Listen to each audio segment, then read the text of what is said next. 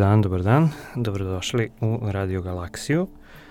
Posle jedne male letnje pauze nije nas bilo neko vreme i sad se vraćamo i imamo jednu redku priliku, da kažem, da pričamo o kosmologiji sa Markom Simonovićem, kao što ste videli u najavi. Marko trenutno radi u CERN-u, studirao je u Beogradu, doktorirao je u Trstu, a, posle toga radio na Princetonu i a, sam preskočio nešto, nisam. Da. Ne.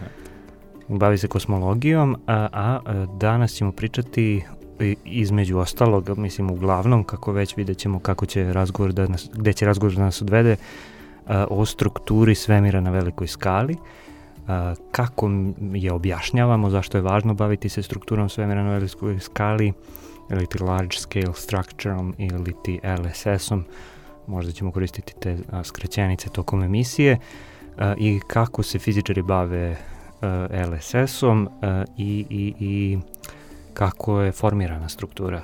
A, ogromna tema i pričat ćemo u suštini iz neke kosmološke perspektive zato što kao što ste mogli ranijih u, u tokom ranijih epizoda da čujete, pričali smo o mnogim uh, stvarima vezanim za galaksije, za morfologiju galaksija, za jata, za tamnu materiju i tako dalje. E, ja se nadam da ćemo sad malo više da pričamo o fizici koja stoji iza svega toga, a Marko je pravi čovjek za to, tako da e, drago mi je Marko što si došao konačno. Hvala, hvala puno Dušane. Meni je takođe jako drago da sam um, konačno u emisiji. Uh, da, ti si bio jedne godine, ja to moram da pomenem, ko se seća kad smo pravili onaj jedan um, live snimak iz Parobroda kad smo pred novu godinu pravili neku živu emisiju, jednu jedinu, možda ćemo to nekada ponovimo. Marko je bio u publici sa vama, verovatno, ako ste bili. Da, mislim da sam gostovao možda još jednom kad smo imali neku, neki razgovor. I, da, izvini, to sam zaboravio, da, da, da, da, da, da, jeste, jeste. Isto smo zapravo bili sličnim povodom, ajde da, da i to kažemo, mi smo trenutno u uh, istraživačkoj stanici Petnica, ovde jednoj maloj gluvoj sobi koja onako klaustrofobično deluje na obojicu, na mene manje. uh, I ta smo pričali uh, o opštoj relativnosti, tako da možete tu epizodu da nađete kao epizodu koja se zove opšta teorija relativnosti, a uh, sad smo ovde opet povodom uh, te škole koju Marko organizuje već 9 godina sa ekipom uh, koja se bavi nekoliko tema, a ove godine je tema opšta relativnost A, I, m, eto, Marko opet tu, pa sam iskoristio priliku da pričamo o ovome. Um, ajde krenemo u stvari od toga uh, šta je struktura na velikim skalama. Pa da, dakle, struktura na velikim skalama je malo uh, možda ne, pojam i nije tačno jasno kad neko čuje prvi put na šta se e, ta struktura i na šta se velike skale zapravo odnose. Um, u kosmologiji Dakle, mi imamo uh, tu nekakvu podelu na velike i male skale i uglavnom pod velikim skalama podrazumevamo uh, rastojanja koje su veća od uh, tipičnog međugalaktičkog rastojanja. Dakle, kao neki mali podsjetnik možemo da kažemo da je, na primjer, rastojanje od Mlečnog puta do Andromede, koje um, su dve najveće galaksije u lokalnoj grupi i otprilike 1 megaparsek, mm -hmm. nekoliko uh, miliona svetlosnih godina. Uh, Um, I verovatno uh, naši slušalci znaju da je otprilike uh, jedan megaparsek je sad sam i zaboravio, uh, otprilike ne, par svetlosnih godina. Ja? Da, ne znam, da. Par miliona svetlosnih godina. Dakle, um, dakle tipično rastojanje među galaksijama je otprilike 1 megaparsek, 1 milion parseka i uh, zapravo kada pričamo o velikim skalama, pričamo rastojanjima koje su dosta veća od tog tipičnog međugalaktičkog rastojanja.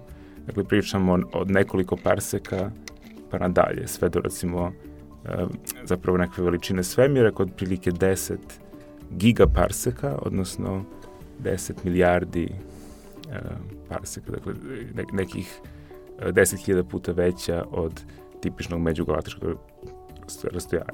To se zove uh, s druge strane i sad ne znam kakav je naziv na srpskom, ali Observable Universe, uh, jel da? Da, tako je, dakle, dakle um, o, o, svemir koji možemo da vidimo, dakle observabilni no. svemir je otprilike um, odnosno veličina svemira koju možemo da vidimo je proporcionalna horizontu. Mm -hmm.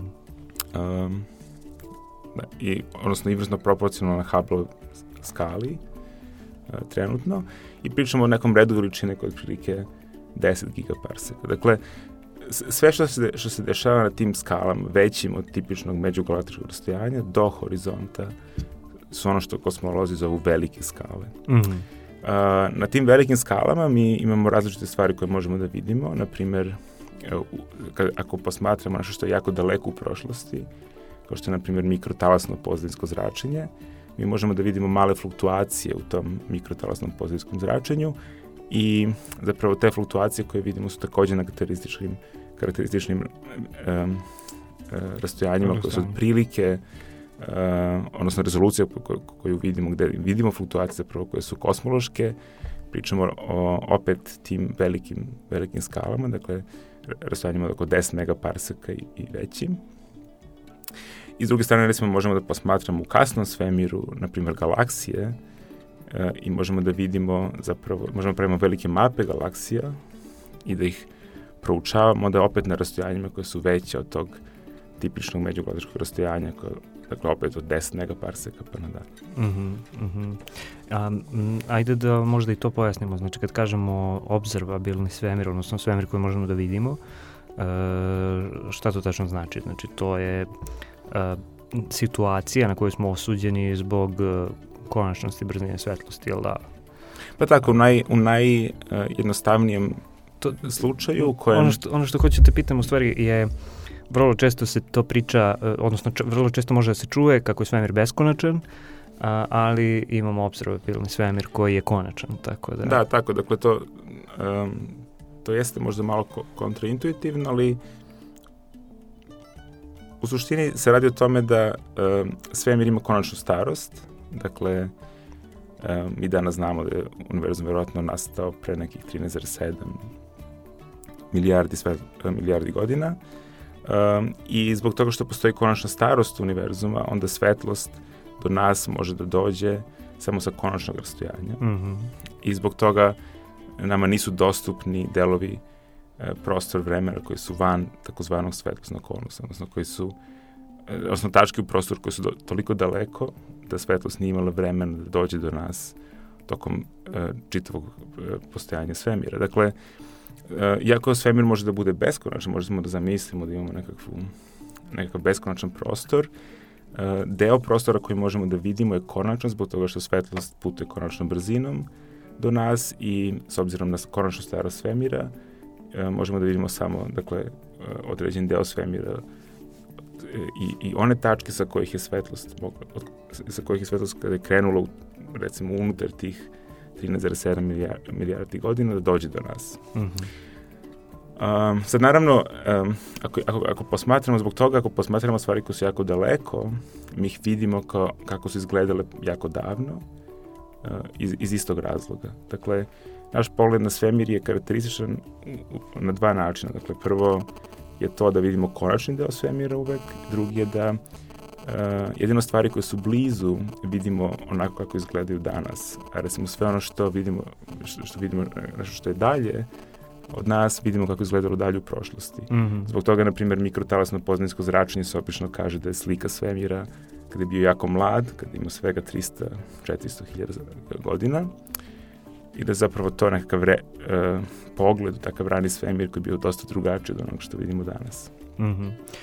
uh, I mikrotalasno pozivnsko zračenje je nešto odakle zapravo kreće priča o e, strukturi Pa tako, dakle, ono što sam, što sam do sad možda objasnio uh, je bilo šta podrazumemo pod velikim skalama, ali onda postoji taj drugi deo pitanja šta, šta zapravo znači struktura, struktura da. u, u toj, u toj um, kovanici stru, struktura na velikim skalama.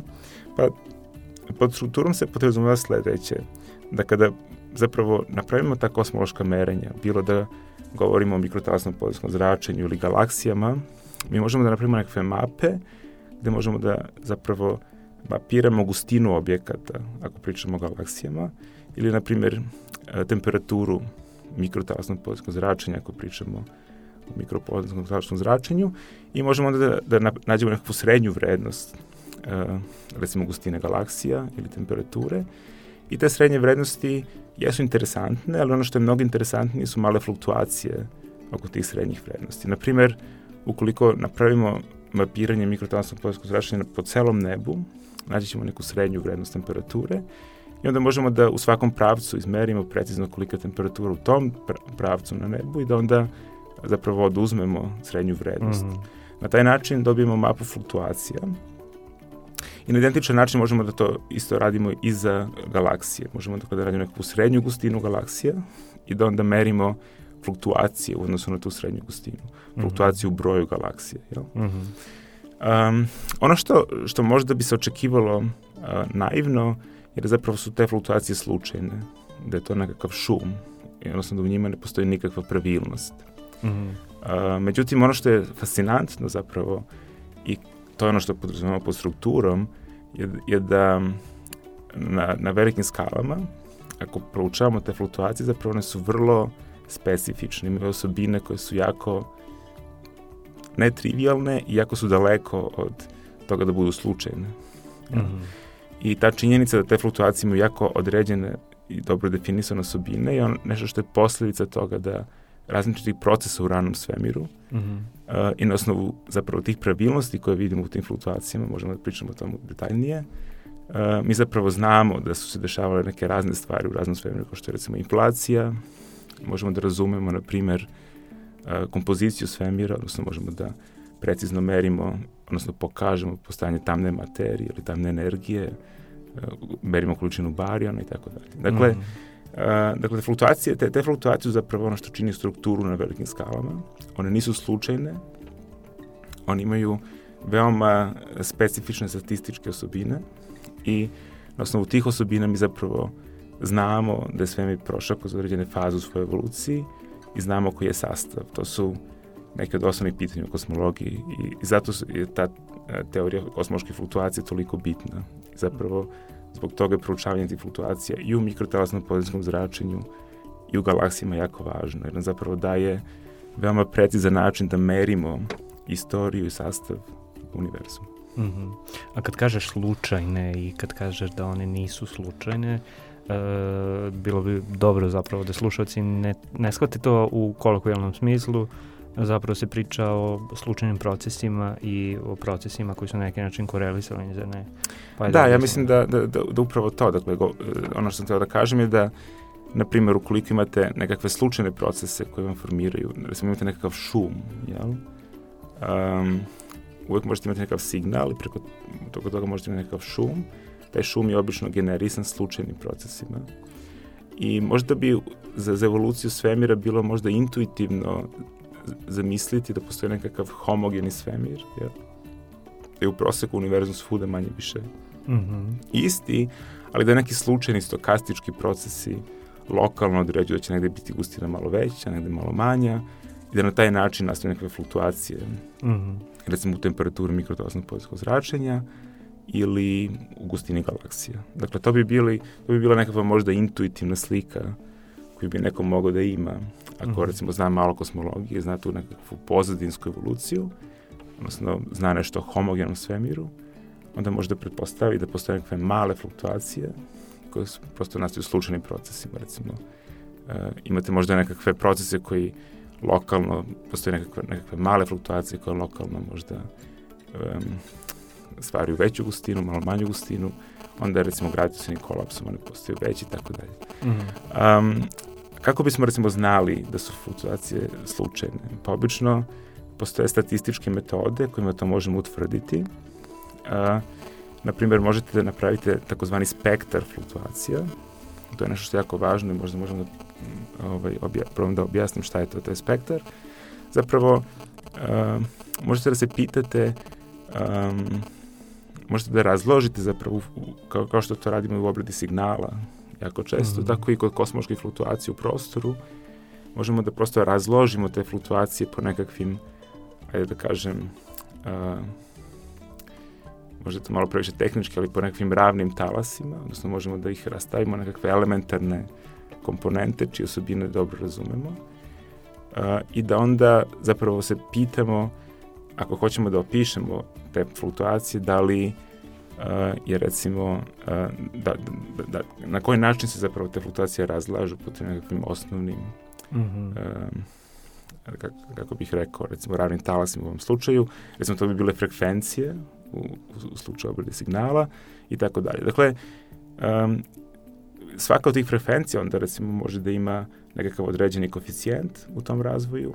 Na osnovu toga kakvi su ti koeficijenti možemo zaključiti ali neki proces slučajan ili nije, odnosno kakve su, kakve su sudbine tih fluktuacija.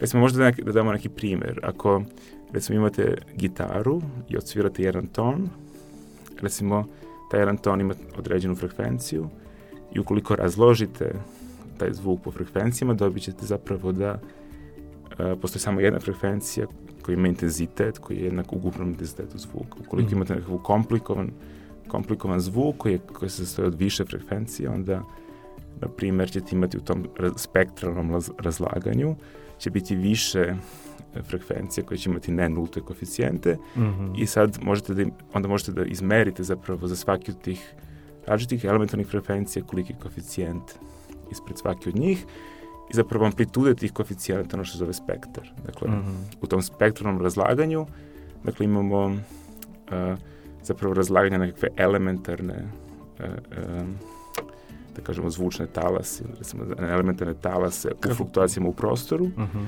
i sve one imaju svoje koeficijente i zapravo ti koeficijenti čine spektar.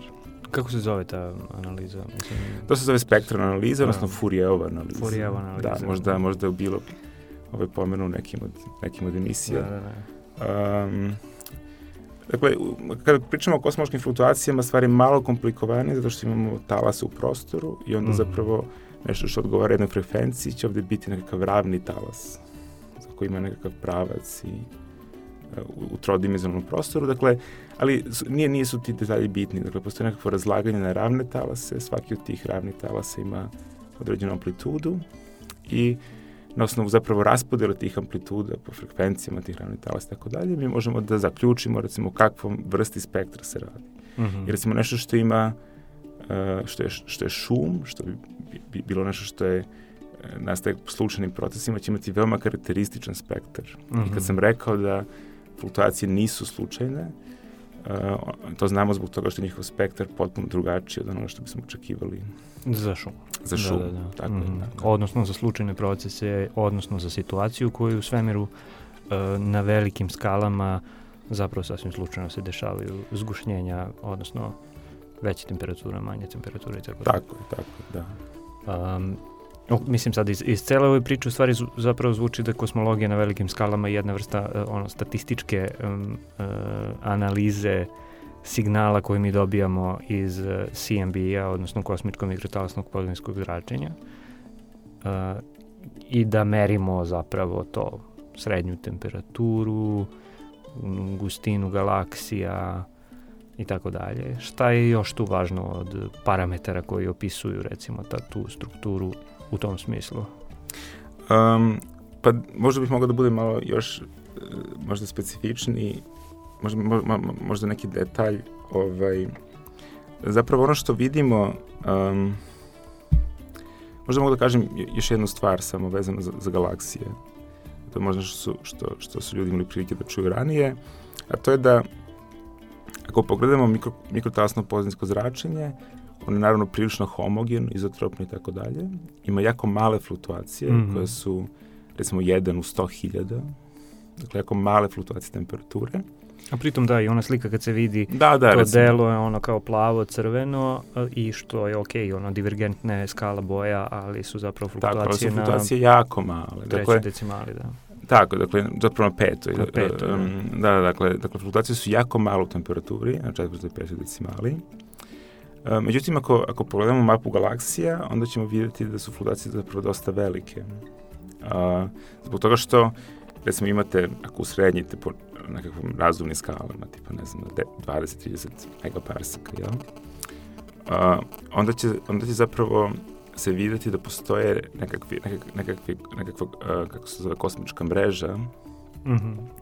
na primjer, da se galaksije uh, najčešće nalazu u nekakvim filamentima, uh, u nekakvim velikim jatima galaksija, verovatno se o tome pričalo u nekim prethodnih emisija, i tako dalje, i da postoje veliki delovi prostora koji su relativno prazni, koji se zovu kosmičke praznine, ja, cosmic voids. Um, I zapravo i to je nešto što se smatra odnosno što ljudi često podrazumiju pod strukturom. Mm -hmm. Dakle, s jedne strane u mikro, mikrotasnom podelskom zračenju su fluktuacije jako male, um, imaju tu osobinu da su zapravo um, vrlo blizu toga da budu gausovske fluktuacije u smislu da je jedina statistika koja je bitna za njihov opis takozvani spektar o kojoj smo pričali malo pre. Um, dok recimo na, na onda u kasnom svemiru kad pričamo o a, galaksijama, onda imamo malo komplikovaniju sliku. Imamo tu jednu veoma nelinearnu evoluciju, mm -hmm. koju možda kažemo još više detalja. I zapravo u toj nelinearnoj evoluciji se formiraju svi ti nelinirni objekti, kao što su jata galaksija, filamenti, praznine i tako dalje.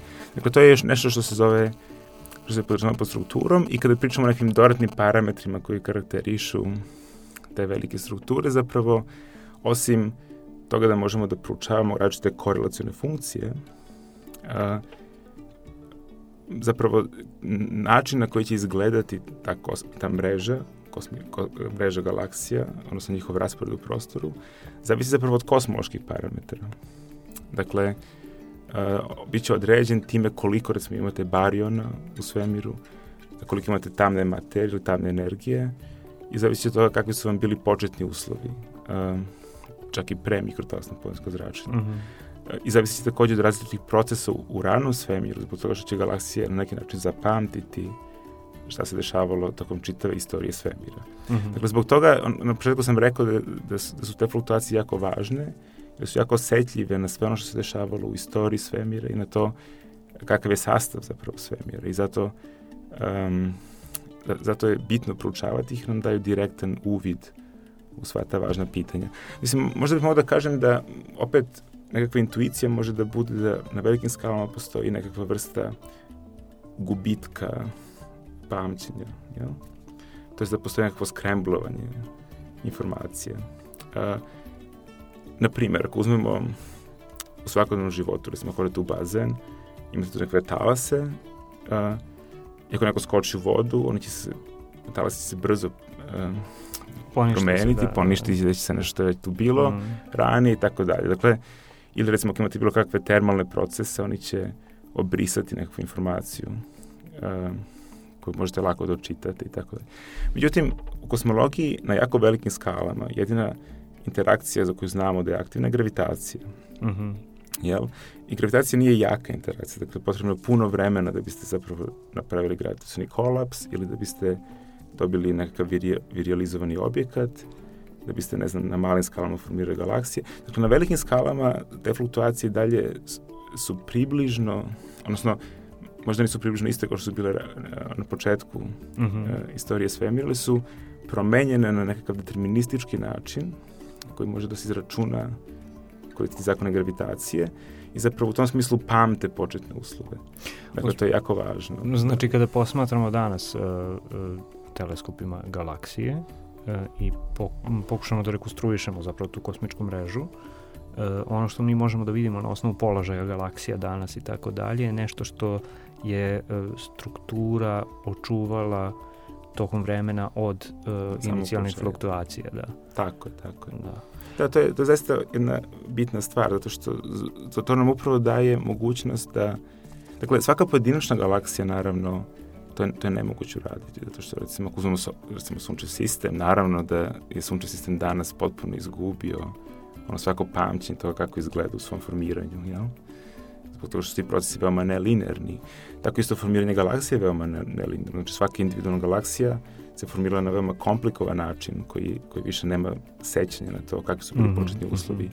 Ali ako gledamo te fluktuacije u broju galaksije u prostoru, gledamo fluktuaciju mikrotasnog pojenskom zračenja i tako dalje, zbog toga što je njihova dinamika jednostavnija, dakle, mnogo jednostavnija od svih tih nelinearnih procesa koje smo sad u ovih par primjera, koje smo u ovih par primjera pomenuli.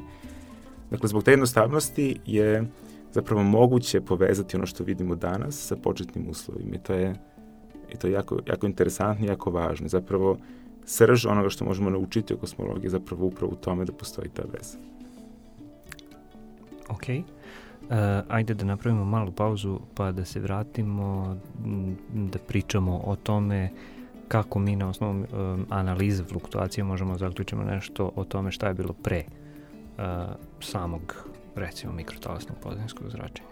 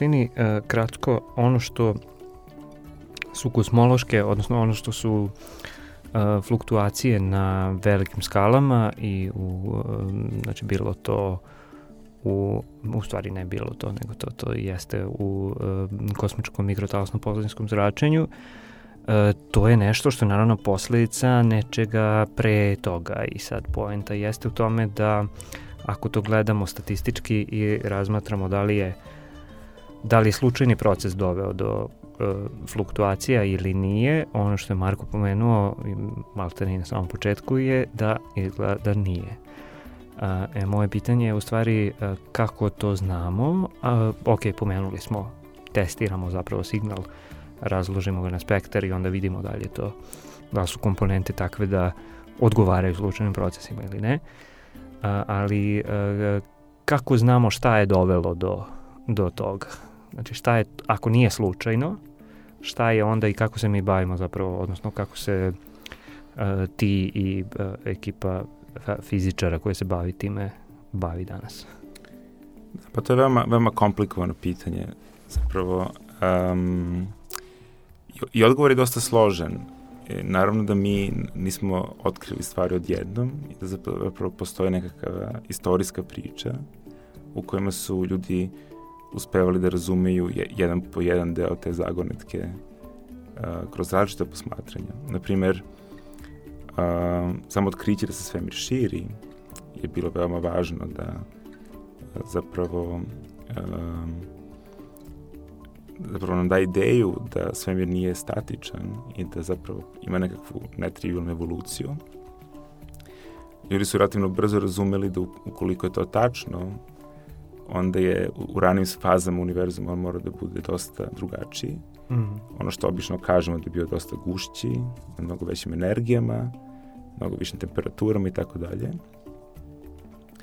I zapravo do nekih, ne znam, 60-70 godina E, prošlog veka se formirala neka slika tog takozvanog toplog velikog praska, nešto se na engleskom zove Hot Big Bang, uh, u kojoj je svemir nastao kao nekakva u, u nekim najranijim fazama o, o kojima je, smo mogli samo da spekulišemo u to vreme i zapravo nastao sa jako visokom energijom, visokom temperaturom, krenuo se širi, a tokom širenja se polako hladio I onda su se dešavali razni procesi koji su zapravo doveli do toga da svemir izgleda kako ga vidimo danas. Um, čak i bez uh, fluktuacija, ono što su ljudi vrlo brzo, uh, krajem 40. godina pre svih uh, Gamov i Alfer, uspeli da predvide, to je da, uh, dakle, koliko ta priča ima smisla, uh, u ranom svemiru će se desiti makar dva procesa koji su oni kojima su oni mogli da misle u to vreme. Jedan je takozvana nukleosinteza, odnosno formiranje uh, lakih hemijskih elemenata. Uh, I ta nukleosinteza nam zapravo um, zapravo kaže da s obzirom da je svemir u ranim fazama bio na dovoljno visokim energijama, mogu da ima aktivne nuklearne reakcije, mm -hmm. uh, koje bi dovele do toga da se formiraju, uh, recimo, počeši od veoma lakih elementarnih čestica, koje su protoni i neutroni, zapravo teža atomska jezgra. Mm -hmm. Okay? Um, I možemo da prodiskutujemo kratko ako imamo vremena možemo. o nuklosintezi. Samo hoću da kažem da je drugi primer, na primjer, je bilo mikrotalasno podijsko zračenje, mm -hmm. zapravo njegovo postojanje. I, um, dakle, to je slična logika kao za nuklosintezu. Dakle, radi se o tome da, da su oni zapravo pokušavali da prate kako bi izgledala evolucija svemira ako bi krenuo sa nekom jako visokom temperaturom, na jako visokoj temperaturi postoje samo elementarne čestice. Uh mhm. -huh. Prema tome ne mogu da se formirati atom ili atomska jezgra. Oni su onda naravno razumeli da kako se svemir širi, da se polako hladi, u nekom trenutku su uh, se mogu formirati recimo protoni i neutroni, jel? I kada svemir dostigne temperaturu recimo ne znam nekoliko megaelektronvolti, što je tipična energija za nuklearne reakcije, uh mhm. -huh. onda je recimo moguće da kao u zvezdama, na primjer, u sudarima protoni i neutronovi formirate teža, recimo jezgra, kao što je helijum i kao što su svi drugi uh -huh. um, elementi. Sve je pitanje, na primjer, ukoliko smo zaista imali proizvodno visoke energije u ranom svemiru, zašto nemamo sve moguće hemijske elemente formirane u ranom svemiru? I odgovor je zbog toga što zapravo postoji jako puno fotona. Dakle, to je jedna druga stvar da su oni razumeli da mora da bude da su stvari takve da postoji jako puno fotona za svaki barion i da zapravo se recimo um, protoni recimo i neutroni sudaraju uh, i zapravo interaguju u jednom okruženju kojem uh, za svaki svaku česticu kao što je proton ili neutron postoji zapravo de, ne znam, milijardu fotona okolo i da čak i ukoliko su temperature relativno niske E, svaki milijarditi foton će imati jako visoke energije po, po Planckove raspodeli i da zapravo dok se svemir ne ohladi jako puno, te nuklearne interakcije neće biti efikasne jer će ti visokoenergetski fotoni zapravo uh, uh, razbijati bilo kakva jezgra koja se formiraju uh, u nuklearnim reakcijama. Dakle, mm -hmm. oni su uspeli da izračunaju detaljno uh, zapravo šta će se desiti, odnosno kakav će biti ishod formiranja hemijskih elemenata, zavisno od toga koliko ima fotona po barijonu. Dakle, to je mm -hmm. jedan od mhm. važnijih kosmoloških parametara. I zapravo uh, otkri, mislim, otkrili su da s obzirom da mi u našem svemiru vidimo da uglavnom imamo vodonik i možda recimo 25% helijuma i druge hemijske elemente u tragovima, oni su zapravo izračunali da to može da se desi jedino ukoliko imate zapravo otprilike, ne znam, milijardu ili 10 milijardi Neku po svakom bariju, bar, tako je. Um, I dakle, onda slična priča važi i za takozvanu rekombinaciju. Dakle, sada ako idete malo dalje kroz istoriju svemira, kad ste formirali prve, e, prve recimo jezgra, recimo ta lakša jezgra, e, recimo vodonika i helijuma, i uh, onda nastavite da se, nastavite da se širi, da se hladi, u nekom trenutku će se elektroni vezati za ta jezgra i svemir će postati uh, neutralan, odnosno prozračan za elektromagnetno zračenje. Mi danas vidimo to zračenje kao mikrotalasno polinsko zračenje, mm. ali je onda pitanje, na primjer, kad će se to desiti na kojoj temperaturi i opet taj odnos broja fotona i barijona igra ključnu ulogu, zbog toga što, uh, na primjer, naivno bismo očekivali da će se temperatura na kojoj svemir postaje neutralan biti recimo temperatura ionizovanja vodonika. Jel? Mm -hmm. Dakle, što je otprilike nekih par hiljada Kelvina. Dakle, mi vidimo recimo da sunce nije prozračno zbog toga što ima temper, površnu temperaturu od par hiljada Kelvina. Mm -hmm.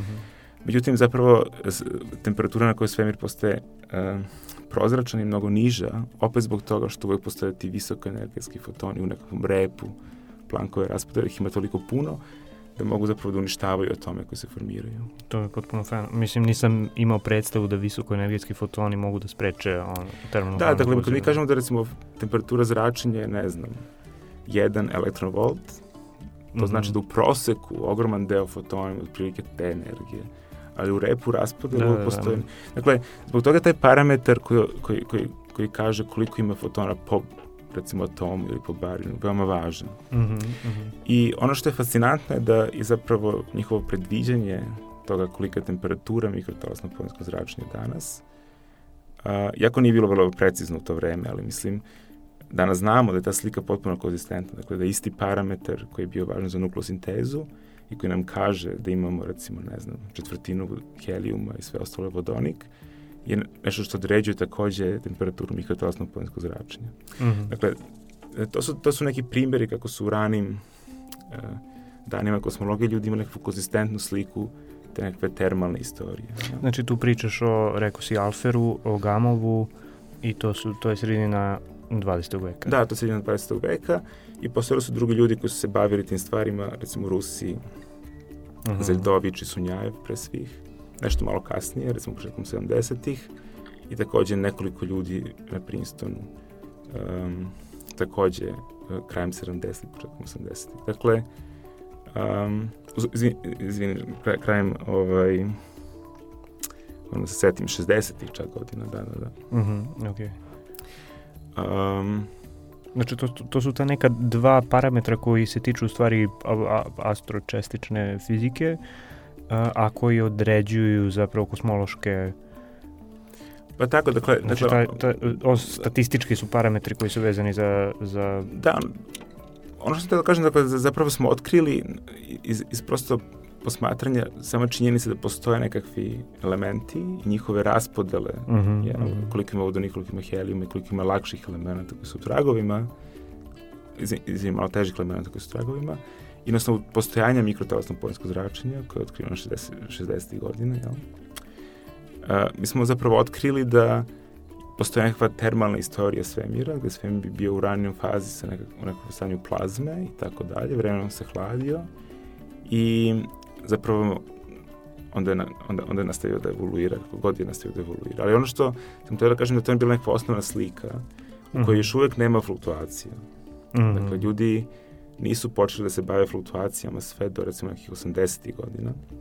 Znači oni su u suštini samo, uh, eto, to, to da postoji svemir. Da, da, da, oni su se da bavili tim nekim pozadinskim temperatura, stvarima. Da, da, da, nekim da, homogenim stvarima. I to je već mhm, -huh, bilo mhm. dovoljno da se formira nekakva osnovna slika o tome kakva je bila istorija univerzuma, ali onda, onda se dogodila prava revolucija kad su ljudi počeli da se baviti fluktuacijama, to što, kao što sam rekao, one su mnogo osjetljivije od nekakvih srednjih vrednosti. Dakle, uvek kad gledate nekakve detalje, to je bolje nego da usrednjite po, mm -hmm. po svemu. Dakle, imate više informacija. A to pitanje došlo iz uh, negde analize mikrotalasnog pozadinskog zračenja ili, ne znam, posmatranja svemira na, na, ve, ono, velikom ska, na velikim skalama danas, odnosno galaksija, ili je pitanje pa, koje pa, potiče iz ja da teorije da to, na neki način? Mislim da to, da to pitanje bilo u, mislim zapravo iz sva tri pravca praktično istovremeno.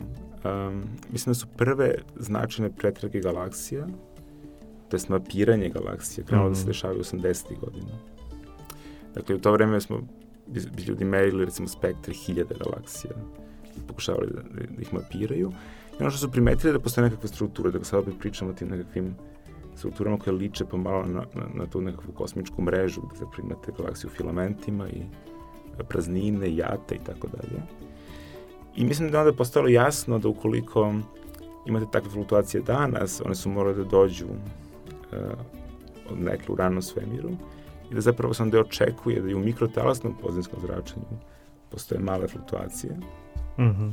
Ono što ljudi u to vreme nisu znali da kako precizno računaju, uh, jer nisu prosto znali kosmološke parametre dovoljno dobro, ali uh, je postojala ideja da su te fluktuacije redove lične 10 na minus 3 10 na minus 5. Jel? I zapravo veliki uspeh satelita Kobi, koji je 92. godine zapravo pronašao te fluktuacije, između ostalog bila ta potvrda mm -hmm, da te mhm. fluktuacije zaista postoje. I druga velika stvar koju je Kobi otkrio, znači sad možemo da pređemo da pričamo o fluktuacijama, zapravo kakav je njihov uticaj, je bio da, na primer, te fluktuacije imaju spektar koji je invarijantan odnosno na promenu skale.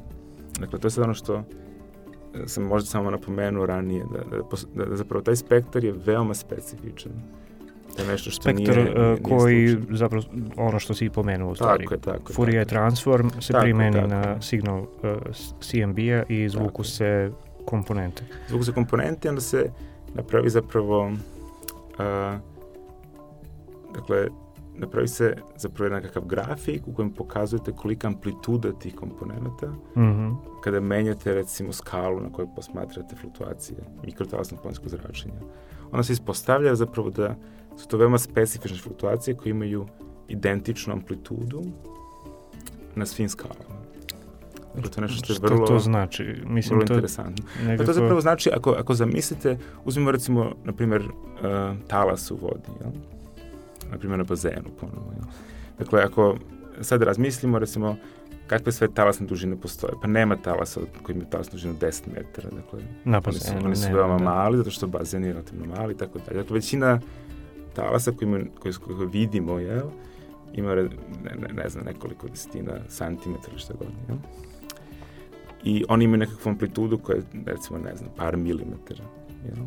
Tako da kad bi uradili tu nekakvu spektralnu analizu, imali bismo spektar gde e, najčešće, odnosno najveća amplituda je na nekakvim talasnim dužinama koje vidimo golim okom, jer od par desetina santimetra, 10 santimetra, tako dalje, i amplituda bi bila par milimetara. Uh, međutim, recimo mikrotalasno plinsko zračenje je potpuno drugačije. Tamo zapravo imate konstantnu amplitudu na svim skalama. To znači da ako usrednjimo recimo mapu mikrotalasnog plinskog zračenja na jednoj skali i pitamo se kolika je tipična amplituda fluktuacija kad ih usrednjimo recimo na jednoj skali, dobit ćemo neki odgovor. Kada onda pro, potpuno promenimo skalu i usrednjimo amplitudu fluktuacije na potpuno drugačijim skalama, vidjet ćemo da je amplituda identična. Dakle, to se nikad neće desiti sa talasima Sa- bazenu. ono kompletno cela raspodela, znači i amplituda i e, sad ta neka disperzija koja se dobija kad usrednjiš e, sve o, o, oscilacije. Tako je, tako je, Da. tako je. Dakle, da, dakle, dakle, e, spektar fluktuacija je, ima istu amplitudu na svim skalama i to je veoma, to su veoma, karakteristi, to je veoma karakteristična stvar koja je e, zapravo vrlo teško objasniti. Mislim, jedna od velikih razlog zbog koje je taj Kobi satelit bio toliko važan je to što zapravo eksperimentalno pokazao nešto što je zaista fascinantno 92. godine, a to je da su te ideje, na primjer, o tome da se dogodila kosmološka inflacija, na primjer, koja zapravo predviđa takav spektar, su zapravo potvrđene eksperimentalno. Ljudi su našli da zaista na velikim skalama je spektar invariant, odnosno promenu skale. I ono što je još važnije, je da su fluktuacije na, na, na skalama koje ne bi trebalo da budu u kauzalnom kontaktu zapravo korelisane. To je Mhm. takođe jedno, jedno od veoma značajnih stvari i to pokazuje da postoji veoma netrivialni proces u ranom svemiru koji um, zapravo dovede na izgled nepovezane delove svemira u kauzalni kontakt i taj proces zove inflacija. Mhm. Znači, kada kažeš da e, su fluktuacije invariantne u odnosu na skalu kada se gleda, što to znači u fizičkom smislu, u smislu kosmologije i e, samih e, uslova na uranu sme- svemiru? Jer to, Um, to nekako meni sad ono kad, kad slušam zvuči kao jedna stavka koja je vezana za analizu zapravo podataka, statističku i tako dalje, ali koja je fizička kosmološka pozadina iza toga. Pa Rekao si pozadina- inflacija, da, ali dakle, kako- pomenuo sam inflaciju, kosmološku inflaciju, zato što uh, dakle, u kosmološkoj inflaciji uh, dakle, se svemir širi jako brzo u svojoj fazi. Um, ali ovaj, na, na, na način gde zapravo male kvantno-mehaničke fluktuacije vakuma bivaju razvučene van horizonta, zbog tog vrlo brzog širenja svemira i zapravo budu zamrznute. Jel? Na neki način one više ne evoluiraju, zbog toga što njihova evolucija van horizonta bi, makar u najjednostavnijim e, e, modelima inflacije, recimo da se držimo na tim stvarima. Dakle, postoji slika u kojoj um, zapravo imate pro, prostor vreme koje se širi jako brzo, Dakle, flutu, male kvantno-mehaničke fluktuacije bivaju razvučene na velike skale i taj proces je praktično skoro stacionaran.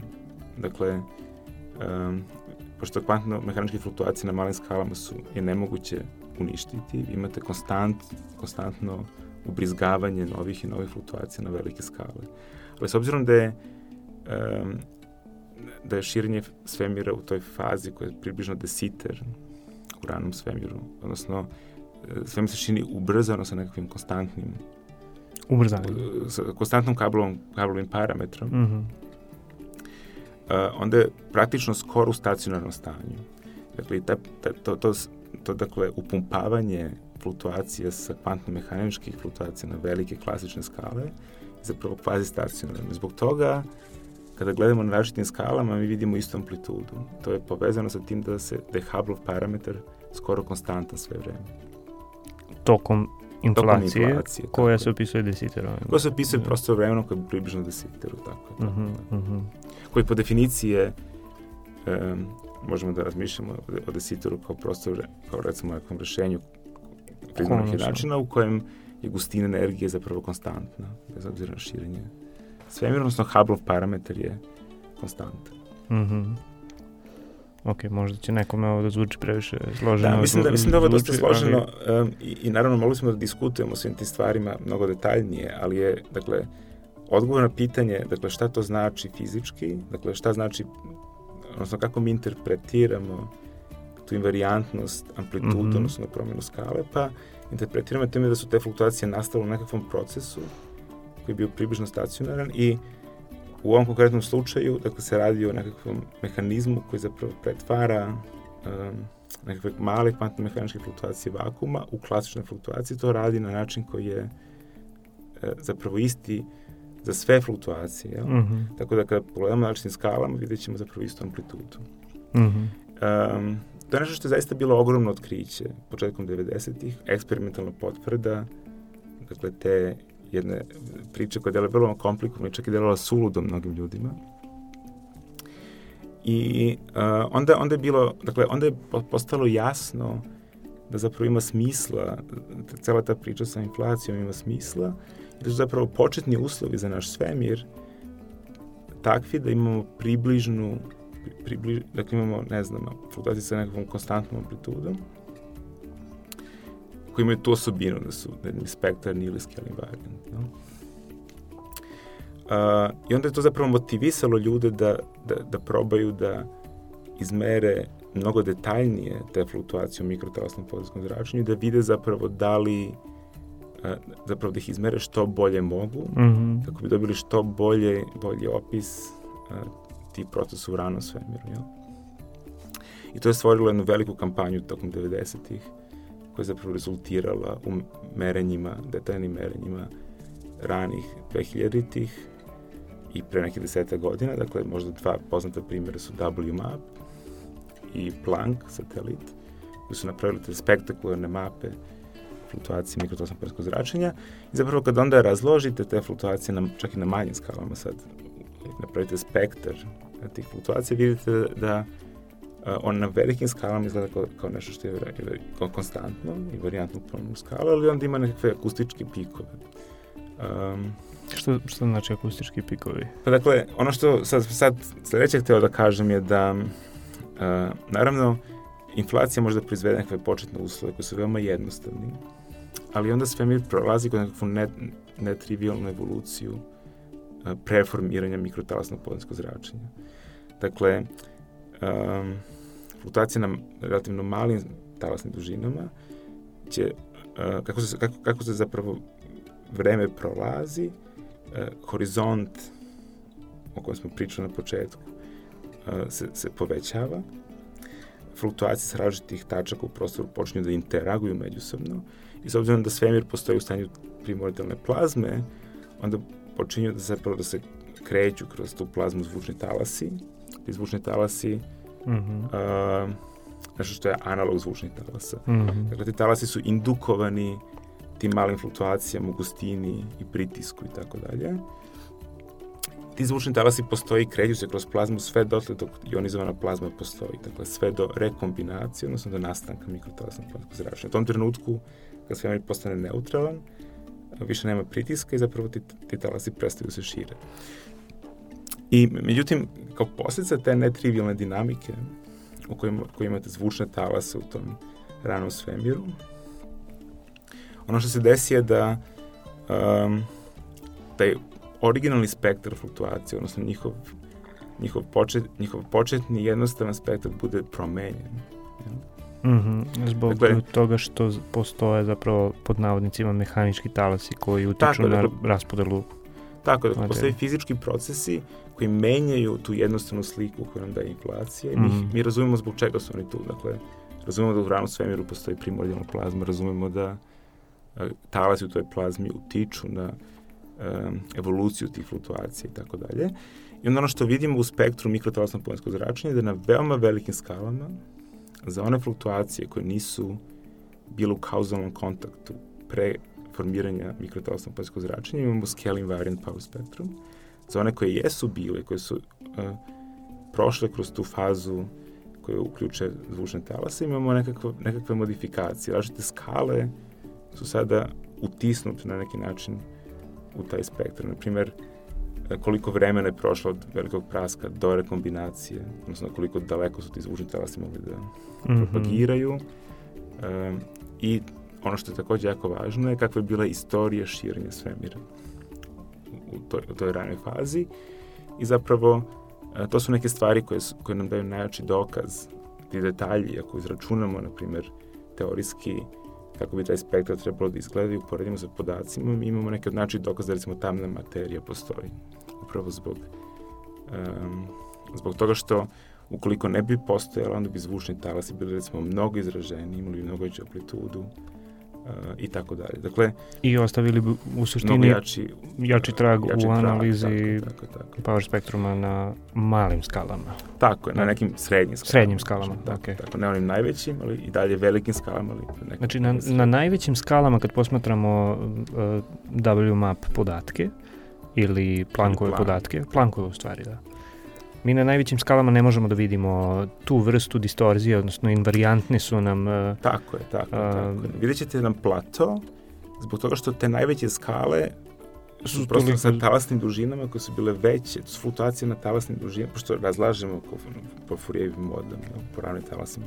Dakle, imaju talasne dužine koje su veće od recimo veličine vidljivog svemira, da kažemo, u vreme formiranja mikrotalasnog pojemskog zračenja, mm -hmm. odnosno u vreme kad prestaju zvučni talasi, one nikad nisu imali priliku da zapravo učestvuju, da budu modifikovane tim procesima u primordijalnoj plazmi. Opet slično u stvari zbog toga što te ti zvučni talasi, odnosno to su barionske akustične oscilacije. Tako, tako, da su barionske akustične oscilacije. A, jednostavno se prostiru brzinom koja nije dovoljna da bi stigli tako od je, tog mesta do tog tako mesta. Je, tako Slično tako. kao sa horizontom kod... Slično kao horizontom koji se tiče posma... Svet, da, svetlosti. Da, da, da. Svetlosti. Zapravo brzina tih talasa je, e, ne znam, manja od brzine svetlosti, da. ali ne značajno manja. Stvarno? Da se izračuna i Aha. zapravo, pa kao što su, kao što su recimo u neonskom svetlu talasi prostiru skoro brzinom svetlosti. Aha. Ovo, tako je to je slučaj u primordijalnoj plazmi. Znači, ali na srednjim skalama ti zapravo možeš da vidiš modifikovane, uh, modifikovan power spektrum. Okay. Tako je, tako je. A, na, a na malim? Pa nekako malim skalama... To si, to si nekako istakao kao, ne, ne, nije na malim, nego na srednjim. Da, recimo na nekom malim skalama, zapravo u mikrotosnom pojenskom zračenju, mi, mi zapravo vidimo astrofizičke objekte. Dakle, ako hoćemo da recimo mm -hmm, povećamo mm -hmm. rezoluciju, u nekom trenutku ćemo videti uh, tačkaste izvore mikrotalasa, recimo kao što su galaksije, vidjet ćemo nekak, ne, nekakve, aha, ne, ne, ne, ne, nešto što je zaista su astrofizički objekti. Jel? Što nema smisla povezivati što nema smisla povezivati, smislu tako je, dakle, sa kosmološkim parametrima. Tako je, dakle, kosmološki mm -hmm. parametri su bitni i relevantni za te fluktuacije na velikim skalama. Na, na jako malim skalama ćemo vidjeti nekakve objekte, pojedinačne objekte zapravo. Mm -hmm. Što je takođe jako bitno i interesantno za astrofiziku, ali ne toliko mm -hmm. za kosmologiju. Dakle, ono što je zaključak te priče je da je zapravo kroz ceo taj razvoj kosmologije, od onoga čega smo krenuli, kao što su recimo nuklosinteza ili predviđanje postojanja mikrotasnog ponskog zračenja, dakle, formirana nekakva slika o, o, o istoriji univerzuma. Na osnovu te slike su ljudi pokušavali da stvore nekakvu priču ili intuiciju o fluktuacijama. Umeđu vremenu su se pojavili ideje o inflaciji, koja zapravo rešavala neke od problema standardnog kosmološkog modela, ali istovremeno predviđala fluktuacije koje su recimo skoro invariantno su na promjenu skale. Mm -hmm. i to je potvrđeno 92. godine s, uh, posmatranjem Kobija. To je motivisalo ljude da proučavaju te fluktuacije detaljnije i na osnovu preciznih merenja koje danas imamo mi možemo da zapravo napravimo veoma precizna merenja uslova u kojima je bio rani svemir, da su se ti zvučni talasi prostirali. I na osnovu toga znamo, recimo, koliko je bilo bariona, koliko je bilo, recimo, um, tamne materije. Mm -hmm. ja. Koliko imamo bariona, koliko imamo tamne materije. Koliko imamo fotona. Fotona po barionu, to je tako je, to je takođe veoma važan parametar. I koliko tako. imamo tamne materije u smislu... Mm, pa, dakle, odnos vidljive materije, mm -hmm. što su, recimo, ne znam, elektroni, protoni, neutroni, neutrino i tako dalje, i tamne materije, otprilike 1 prema 5. Mm -hmm. Dakle, mi danas znamo da zapravo većina nečega što izgleda kao obična materija, zapravo nije deo standardnog modela elementarnih čestica. Mora da bude nešto drugo, što mislim, nismo sigurni šta je tačno, ali se ponaša kao materija, u smislu da nije nekakvo zračenje, mm -hmm. da te čestice su veoma spore, um, da, mislim, odnosno, ta materija deluje da je sačinjena od masivnih čestica koje su jako spore, mada možda bude nešto drugo. Mislim, um, ono što je važno je da gravitaciono dejstvo je, deluje veoma slično gravitacionom dejstvu koje bi imala materija koja nije vidljiva. Jel? Zbog toga se zove tamna mhm, materija. Mm -hmm, mm -hmm. I zapravo je otkrivena gravitacionim uticajem. Dakle, uh, kao, kao što sam rekao, u ranom svemiru postoje nekakvo širenje, postoje nekakva interakcija, fluktuacija u tamnoj materiji, ne znam, vidljivoj materiji i tako dalje. I to sve može da se izračuna. Mislim, to je relativno jednostavna fizika koja ima veze sa propagacijom talasa u nekakvoj netrivialnoj pozadini. Mm -hmm. uh, na osnovu tih proračuna i upoređivanja sa podacima mogu da se mere ti parametri. Jel? Dakle, kosmologija nije dobra da nam kaže detalje toga šta je tamna materija zbog toga što je, je otkrivena, otkrivena gra, pomoću gravitacijnih interakcija. Mm -hmm. A gravitacija ne razlikuje ništa, mislim, prosto sve, sve gravitira na isti način, tako da a, zbog toga mi znamo da postoji nešto što je nalik materija, ali ne znamo tačno šta je. Jel? I to je jedan od velikih izazova za i kosmologiju i fiziku čestica u, u 21. veku, da ljudi prosto probaju da na neki način otkriju zapravo pravu prirodu tamne materije. Mm -hmm. Ok. Ajmo na malu pauzu pa ćemo da se vratimo. nazad.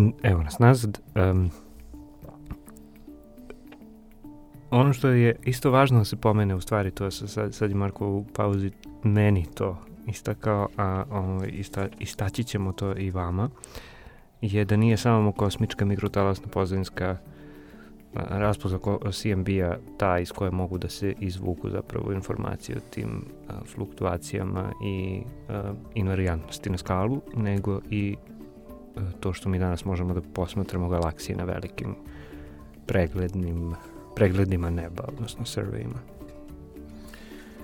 Pa da, rekli smo već ranije da, da te fluktuacije u gustini broja galaksija a, su zapravo manifestacija u kasnom svemiru, toga da je u ranom svemiru su postale male fluktuacije, recimo u mikrotalasnom pozitivnom zračenju, koje su opet manifestacije toga da su, da su te, te nekakve kvantne fluktuacije koje su nastale i, i koje su zapravo pretvorene u klačne fluktuacije tokom inflacije. Jel?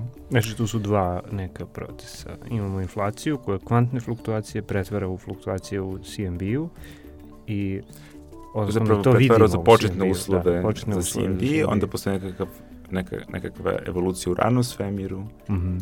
koji je bio u stanju plazme, da su te fluktuacije modifikovane. Sa barijonskim akustičnim oscilacijama. Tako je, nakon što svemir postane prozračan, mm -hmm. uh, više nema pritiska, uh, prema tome nema nastavka propagacije tih talasa i onda kreće takozvani gravitacijni kolaps. Dakle, u tom trenutku imate nekakve početne uslove za formiranje velikih struktura u kasnom svemiru, gde sad nekakve male fluktuacije u gustini materije polako rastu pod uticajem gravitacijone interakcije. Dakle, ako imate negde višak materije, onda će gravitacija imati tendenciju da skuplja, da materiju, skuplja na materiju na tom mestu i tako će se formirati zapravo kasnije prva, prve, recimo, prve galaksije, tu će se formirati, ne znam, oko njih će se formirati jata galaksija, uh, imaćemo tu nekakvu komplikovanu strukturu koju vidimo danas sa tim filamentima, prazninama i tako dalje. Ali kao što smo napomenuli, taj proces nije haotičan, nije stohastičan. Um, na velikim skalama je ta raspodela galaksije dalje pamti početne uslove. Mm -hmm. I u tom smislu, s obzirom na tu vezu koju si istakao od, ne znam, kvantnih fluktuacija preko CMB-a do galaksija, mi zapravo smo u stanju da izračunamo evoluciju od početka do kraja. Ja? Ev evoluciju čega? Evoluciju fluktuacija. Mm -hmm. Odnosno toga, na primjer, ako, ako posmatramo nekakve karakteristične talasne dužine, recimo ukoliko imamo um, nekakve tala, recimo gledamo fluktuacije na nekakvim skalama koje su recimo 50 megaparseka, ok? Dakle, to su relativno velike skale i mi možemo zaista da kažemo u redu. Dakle, te fluktuacije su nastale tokom inflacije, kroz, tokom mikrotasnog znači su prošle kroz takvu takvu evoluciju. Na kraju e, su na tim velikim skalama i gravitacioni kolaps dovoljno mali ili veliki, šta god, da zapravo ih pretvori u nešto malo drugačije i to možemo da izračunamo. Dakle, na velikim Dakle, na velikim skalama su fluktuacije dosta male, mm -hmm. uvek. Dakle, ne postoji to nelinar, nelinarno formiranje struktura kao što, kao što je recimo slučaj kod individualnih galaksija na malim skalama. Mm -hmm. Dakle, na velikim skalama fluktuacije ostaju male i ti gravitacijni efekti su relativno mali. Dakle, oni koriguju um, dakle, početne uslove značajno, ali ne do te mere da je nemoguće rekonstruisati ih. Mm -hmm. I, dakle, to je, to je cela ta priča, da zapravo na isti način na koji je mikrotalasno poljsko zračenje jako, bilo jako važno da iz zapravo e, proučavanja e, spektra fluktuacija dobijemo um, nekakve ideje o to, ne, ne samo uh, kvalitativne, nego zapravo veoma kvantitativna merenja kosmoloških parametra mm -hmm. u, ranom mhm. svemiru. Tako isto i, i, na sličan način očekujemo da zapravo proučavanje fluktuacija u, gala, u raspodelu broja galaksija možda da nam pomogne ovaj, u, čak i u boljim merenjima tih kosmoloških parametra, čak dovede do novih otkrića. Na, a na koji način?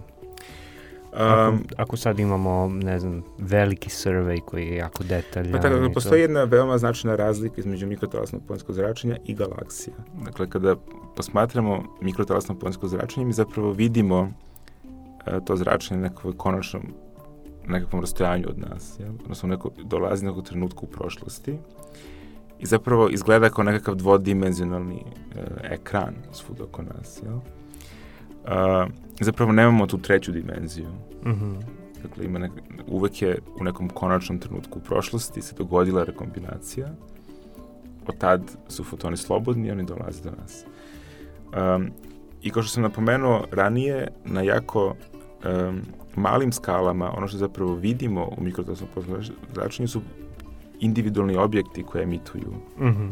infracrveno zračenje. I tu već nema smisla raditi kosmologiju. I tu da? nema smisla raditi kosmologiju. Prema tome, e, na neki način ukupna količina informacije koju imamo u, CMB-u možemo da procenimo kao broj piksela uh, koji imamo u, u toj nekakvoj mapi, kao što je Planck ili WMAP.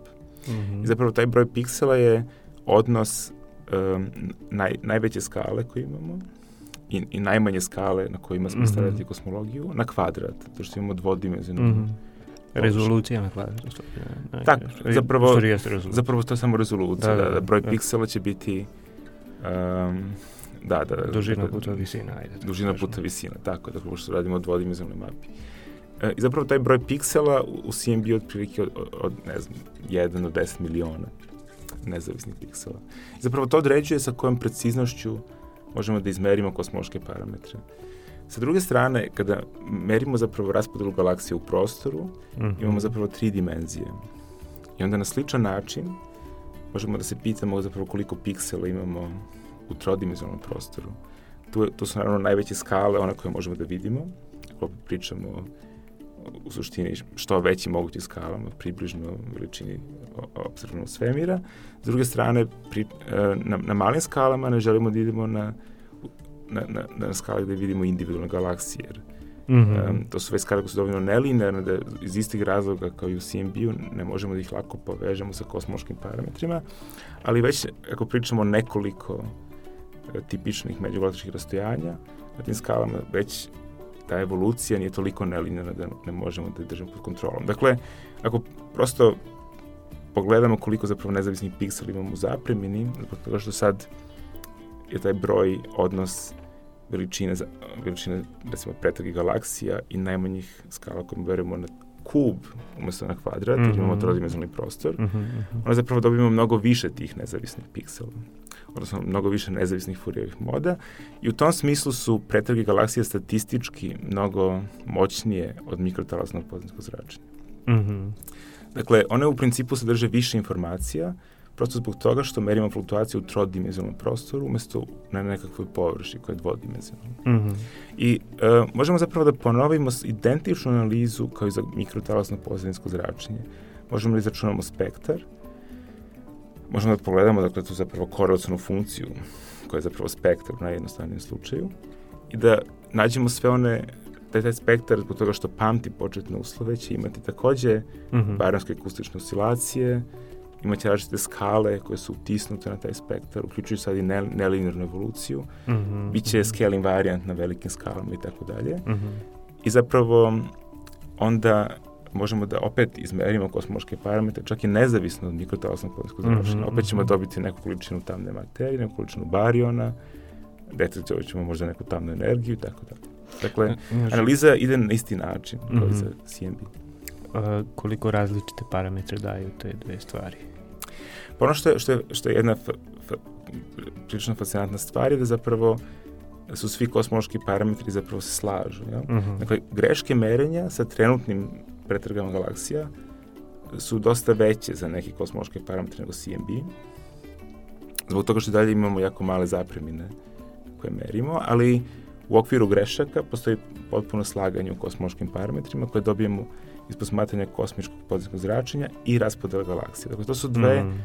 to su dve, dve, dve vrste podataka koje su potpuno različite, imaju različite sistematske greške, mm -hmm, potencijalne mm -hmm. sistematske greške, imaju zapravo ti podaci su uzeti iz potpuno različitih faza u, u istoriji svemira i tako dalje, ali u okviru istog kosmološkog modela zapravo daju iste, iste parametre, to je zaista u okviru potvrda, greška, potvrda u okviru uh mhm. -huh. greške, to je zaista potvrda da, uh, da zapravo analiza recimo CMP ima smisla, jako su većina ljudi veruju u to naravno, ali je na neki način nezavisna provera ako uh mhm. -huh. dobijemo iste parametre i u analizi fluktuacija u, u gustini broja galaksija. Uh -huh, uh -huh. A, kad kažeš znači nekoliko ovih standardnih malih rastojanja uh -huh. za slušalce znači je li to neko jato galaksija tako je, dakle super jato ili kako se već da to nazovemo um, Pa ono što sam rekao na početku da zapravo velike skale pod velikim skalama se u proseku podrazumeva recimo nekoliko, da možda recimo 5 do 10 a, tipičnih međugalaktičnih rastojanja. Dakle, na, na tim skalama u proseku već možemo da pričamo o kosmologiji. Dakle, to je nekih 10 megaparseka mm -hmm. i, i dalje. Um, sad, naravno, u, u, u prostoru postoje strukture kao što su super jata i, i tako da, koje su dosta velika, koje su možda 10-20 megaparseka. Međutim, ona su veoma redka. Tako da, kada zapravo radimo tu Fourijevu analizu, uh, o, obično uh, nekakva talasna dužina, kada pričamo o tim ravnim talasima koje koristimo u Fourijevu analizi, je uh, obrnuto proporcionalno prostornim skalama mm -hmm. uh, koje imamo u vidu, iako to mapiranje nije egzaktno zbog toga što Fourijeva transformacija nije lokalna. Jel? Mm -hmm. um, I bez obzira na to što, što, što recimo na, postoje pojedinačne strukture koje su jako velike, s obzirom da su jako redke, ono zapravo kad radimo Fourijevu analizu, one neće uticati previše na recimo mm -hmm. um, na model. Tako je, da, tako je na, na model. Tako da u principu pričamo dakle, o skalama koje su u proseku nekih desetak megaparseka i veće skale. Tačno je da postoje pojedinačni, veoma redki objekti koji su jako masivni, koji imaju jako puno galaksija, mm -hmm. ali, ali, ali su oni dovoljno redki da zapravo ne utiču previše na analizu. Mm -hmm. Pa da, ono što je zapravo bila moja linija razmišljanja je kako se hendluju uh, ti nelinearni procesi kada dođe do toga da, da ipak uh, imaš neki ono boks uh, u kom se nalaze galaksije koje meriš, uh, a koji zapravo nije dovoljno, uh, odnosno te skale nisu dovoljno velike da, da bi moglo da... Da, dakle, pa tu je sad taj deo možda uh, treba reći zapravo kak, šta, šta je teorijski opis za fluktuaciju u broju galaksija. Ono što smo do sad, što sam do sad rekao je u principu nekakva nekakva gruba slika onoga što se dešava i šta, šta su nekakve konceptualne stvari, kako zapravo pravimo merenje, šta je ono što merimo i na koji način otprilike dobijamo nekakve kosmološke parametre iz tih merenja, ali uh, jedan ba, veoma važan deo je zapravo taj, kako, kako mi tačno znamo da, da teorijski opišemo uh, um, tu evoluciju galaksija. Uh, odnosno evoluciju fluktuacije u broju galaksija. Um, naj, najbolji i naj, najmoderniji pristup koji imamo je da zapravo koristimo takozvane, takozvanu efektivnu teoriju polja. To zvuči dosta možda a, e, ne, nezgodno. ne, nezgodno ili možda nejasno, ali zapravo se radi o, o istoj vrsti logike koju su ljudi primenjivali kad su recimo otkrili hidrodinamiku. Možda je to dobar primer, zato što u vreme kad su ljudi zapravo napisali jednačine hidrodinamike, a, koja je zaista univerzalna teorija koja opisuje recimo sve fluide i tako dalje. I oni, nisu, oni nisu ni znali da postoje recimo atom ili molekuli. Mm -hmm. i tako. Dakle, u fizici uvek postoji a, taj pristup u kojem je moguće govoriti o dinamici nečega, jel? recimo u, u slučaju fluida, od, od, od, od dinamici fluida na velikim skalama, mm -hmm. bez, to, bez toga da morate da znate mikroskopski od čega se fluid sastoji i kako tačno nekakvi elementi u tom fluidu interaguju međusobno. Mm -hmm. Dakle, iz istih razloga zbog kojih hidrodinamika funkcioniše na skalama koje su veće od nekakvog uh, srednjeg slobodnog puta uh, u sudaru, u sudaru čestica. Mm -hmm. čestica. Iz istog razloga zapravo postoji neka vrsta hidrodinamičkog opisa zapravo tog materijala koji čine tamna materija i galaksije mm -hmm. na skalama koje su veće od nekoliko tipičnih međugalaktičkih rastojanja. Znači, ovdje sad ne pričamo o, ok, direktnoj analogiji u smislu kao srednjeg slobodnog puta čestica tako, i tako dalje, nego pričamo o galaksijama kao česticama. Pričamo o galaksijama kao česticama, ali zapravo postoji čak i analogija u smislu srednjeg slobodnog puta zbog toga što uh, u, u toku trajanja, u toku u toku postojanja svemira, s obzirom da se, da se galaksije kreću jako sporo, mm -hmm. um, tipično recimo rastojanja koje prelaze, što je nekakav efektivni srednji slobodni put, je zapravo reda veličine tipičnog međugalaktičkog rastojanja. Mm -hmm. U većini slučajeva. Tako da ovaj, sve te skale su blizu jedna drugoj, tako da ovaj, u tom smislu recimo na većim skalama će se sve galaksije gledati koherentno, tako da deluju kao fluid. Mm -hmm, ja? mm -hmm.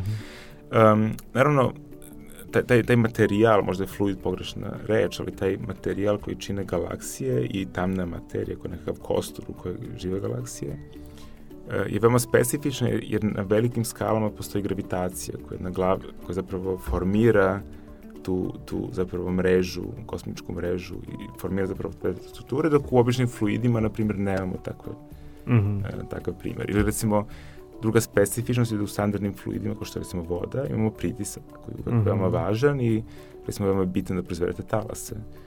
Dok u ovom kosmičkom materijalu nema pritiska. Dakle, tamna materija, obična materija zapravo ne podlažu pritisku. Tako da nema recimo talasa koji se prostiru u kasnom svemiru. Ne postoje recimo mm -hmm. u mhm. ranom svemiru, ako smo diskutovali, ali u kasnom svemiru ne postoje. Dakle, to je nekakav materijal koji je jako specifičan, koji zapravo živi u svemiru koji se širi, gde na velikim skalama e, je izgled tog materijala formiran po e, zapravo zakonima gravitacije, ali i dalje e, postoji taj nekakav efektivni opis gde zapravo sve te neodređenosti i te nelinearnosti, način, način na koji se formiraju galaksije, sve te neodređenosti u formiranju galaksija, tipa kolika, kakav je, kakav je, kakve su različite povratne spregi unutar galaksije kada recimo imamo formiranje zvezda, koje, kojom brzinom se formiraju zvezde, kako eksplodiraju supernovi i tako dalje. Mm -hmm. Sve te stvari su u nekom smislu nekakvim efektivnim parametrima, kao što su viskoznost ili, tak, ili drugi slični parametri u tom materijalu. Mm -hmm. I te stvari koje si, koje si pitao, vezane čak i za te velike strukture kao što su jata super superjata. Mm -hmm. Njihov efekt je takođe uključen kroz nekakve efektivne parametre.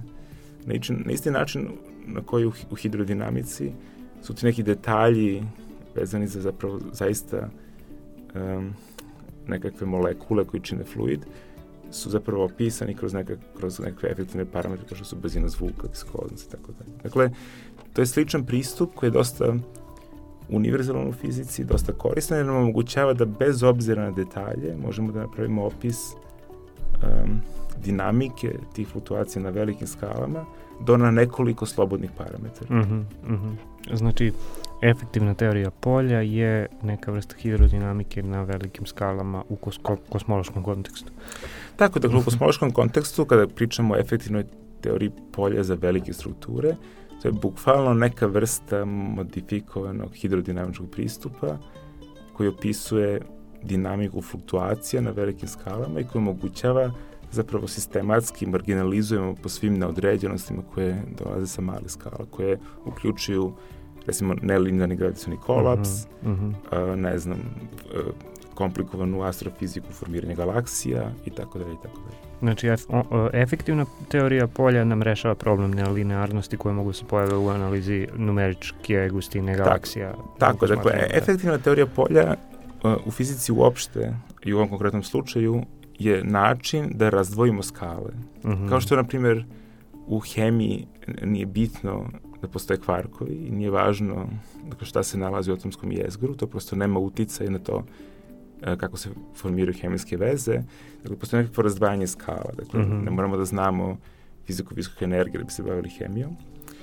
Ili kao što u fizici, na primjer, ne moramo da znamo ne znam, uh, uh, fiziku na najvišim mogućim energijama da bismo računali stvari u standardnom modelu elementarnih čestica. Tako isto i u kosmologiji ovde je efektivna teorija polja način da zapravo razdvojimo skale. Dakle, postoje nekakve veoma nelinearni, komplikovani fenomeni na malim skalama, mm -hmm. ali njihov utice na velike skale je, može da bude, je veoma de, deterministički, dakle oni nemaju prosto, zbog simetrija i zakona očuvanja i tako dalje, mogu da utiču na velike skale na tačno određen način koji je uključen uh, kroz taj pristup, efektivni pristup uh, ujednačene kretanje za fluktuacije i u suštini te nelinearnosti opisujemo zapravo parametrima efektivne teorije polja koje tako. su to što se rekao viskoznost tako i... tako neki analog onoga što je brzina zvuka ili viskoznost ili ne znam mm dodatni parametri koji nisu u dinamici fluida i tako dalje. Dakle to su sve nekakve nekakve stvari koje dakle uzimaju u obzir svaku, svaki mogući scenario za nelinearnu evoluciju i formiranje galaksija i zapravo omogućavaju da kada radimo kosmološku analizu, mi možemo da marginalizujemo po svim tim parametrima i izmerimo kosmološke parametre bez obzira na to što ne znamo detalje formiranja mm -hmm. Mm -hmm. ok, da se vratimo sad samo malo da zaokružimo. Uh, imamo priču o CMB-u i analizi um, fluktuacija u CMB-u koje nam govore zapravo o parametrima poput uh, koliki broj bariona, odnos bariona tamne materije, broj fotona po barionu i tako dalje. To isto možemo da uradimo, uh, odnosno to isto možemo da uradimo i za nukleonu sintezu i za rekombinaciju. Uh, I na velikim skalama u smislu današnjice, efektivnom teorijom polja mi opet možemo da dođemo do kosmoloških parametara. A šta su tu funkcije korelacije? Uh, Ili dakle, već smo, već smo pričali o spektru, dakle spektar je najjednostavnija korelacijna funkcija, takozvana dvočestična korelacijna funkcija ili two-point correlation function. Mislim, kad, kad se kaže um, korelacija, uh, da, obično dakle, se misli na neke dve veličine koje su međusobno zavisne. Mi smo korelisani. Da. Dakle, u ovom kontekstu zapravo ono što je korelacija, koja ima veze sa spektrom o kojem smo pričali sve vreme, je da, na primjer, zamislite da napravite to polje dakle, posmatrate galaksije, nađete srednju vrednost, oduzmete i dobijete fluktuacije. Mm -hmm. Onda možete da postavite sledeće pitanje. Ako izmerim, recimo, um, veličinu fluktuaciju u jednoj tački i onda, na primjer, pomnožim tu fluktuaciju sa fluktuacijom u nekoj drugoj tački koja je na nekakvom fiksnom rastojanju i onda nađem sve moguće parove sa tim fiksnim rastojanjem, parove tačaka i mm -hmm. napravim isti proizvod, onda mogu da se pitam recimo u, sre, u srednjem šta ću dobiti. Dakle, kako je srednja -hmm. vrednost svih mogućih proizvoda parova tačaka koji su na fiksnom rastojanju, fluktuacije u tim parovima tačaka centra, dakle, centra i uh, kruga, odnosno, odnosno ako uzmemo tu jednu pa zapravo ne postoji, ne postoji centru, samo jedna tačka, možemo da pomeramo i tu prvu tačku. Dakle, za, bukvalno moramo da nađemo aha, sve samo moguće gledamo parove. rastojanje. Da, da, da, da, da držimo rastojanje da, da. fiksnim aha, i pronađemo sve moguće parove tačaka. Okay, okay. Možemo da nađemo proizvod fluktuaciju te dve tačke koje su na fiksnom rastojanju i da nađemo srednju vrednost. Mm -hmm. Dakle, to je bukvalno definicija korelacione funkcije, odnosno korelacione funkcije koja ima dva polja. To je ta, ne znači two point correlation. E, da, to je two point correlation function, mislim da se ponekad prevodi kao dvočestična, ne znam okay. čega dvočestična, ali dvotačkasta bi vjerojatno bilo bolje, korelacijona funkcija. Uh, I spektar o kojem smo pričali uh, do sad je zapravo Fourier transform te korelacijone funkcije. Mm -hmm zato što obično u spektru, kada mm -hmm. pričamo o amplitudama, fluktuacijama, imamo amplitudu na kvadrat, zato što imamo zapravo dva polja. Mm -hmm. ali, uh, ali, ali u principu, da, korelacijone funkcije su, ne, dakle, zbog čega moramo da se bavimo korelacijnim funkcijama? Zato što mi u kosmologiji merimo nekakvu realizaciju mape, ali ne znamo realizaciju početnih uslova. Mi znamo samo nekak, početne uslove u srednjem, mm -hmm. na neki način e, nemamo, nemamo tačnu relaciju početnih uslova i jedino što ima smisla da upoređujemo sa teorijskim predviđanjima su nekakve statističke veličine, dakle nekakve srednje vrednosti.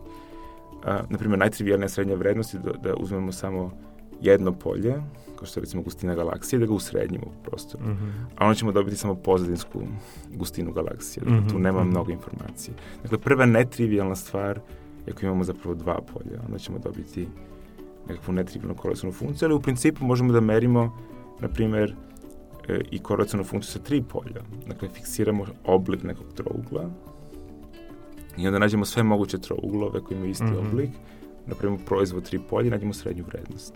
Ja? Srednju vrednost nečega. Da, ne, ne, dakle, srednju vrednost proizvoda po svim mogućim. Mm -hmm. Samo proizvoda, znači, da, da, da, okej. Okay. Dakle, to bi bila trotačkasta korelacijna funkcija i tako dalje. Dakle, sve te korelacijne... Postoje površinske korelacijne funkcije. Molim? Ali postoje površinske korelacijne funkcije gde se nešto radi sa, sa površinom u, koje se, koju obuhvata recimo, ne znam, tro, taj trougao. Uh, pa moguće, nisam siguran. Da, da, u, u kosmologiji u svakom slučaju... Bukvalno sad razmišljam, onako, da, da, da, ali... Geometrijski. Da, dakle, to su nekakve standardne definicije i zapravo te korelacione funkcije imaju dosta informacije o tome kakva je, kakva je zapravo kakva je statistika tog tih zapravo fluktuacija, jel? odnosno mm -hmm. polja fluktuacije. Naprimer, um, ako merite samo spektar ili, ili dvočestičnu korelacijnu funkciju, onda recimo možete imati dva polja koji izgledaju potpuno drugačije vizualno, ali imaju recimo istu mm -hmm. dvotačkastu funkciju. Ako izračunate recimo e, korelacijnu funkciju tri tačke, onda će biti potpuno drugačije.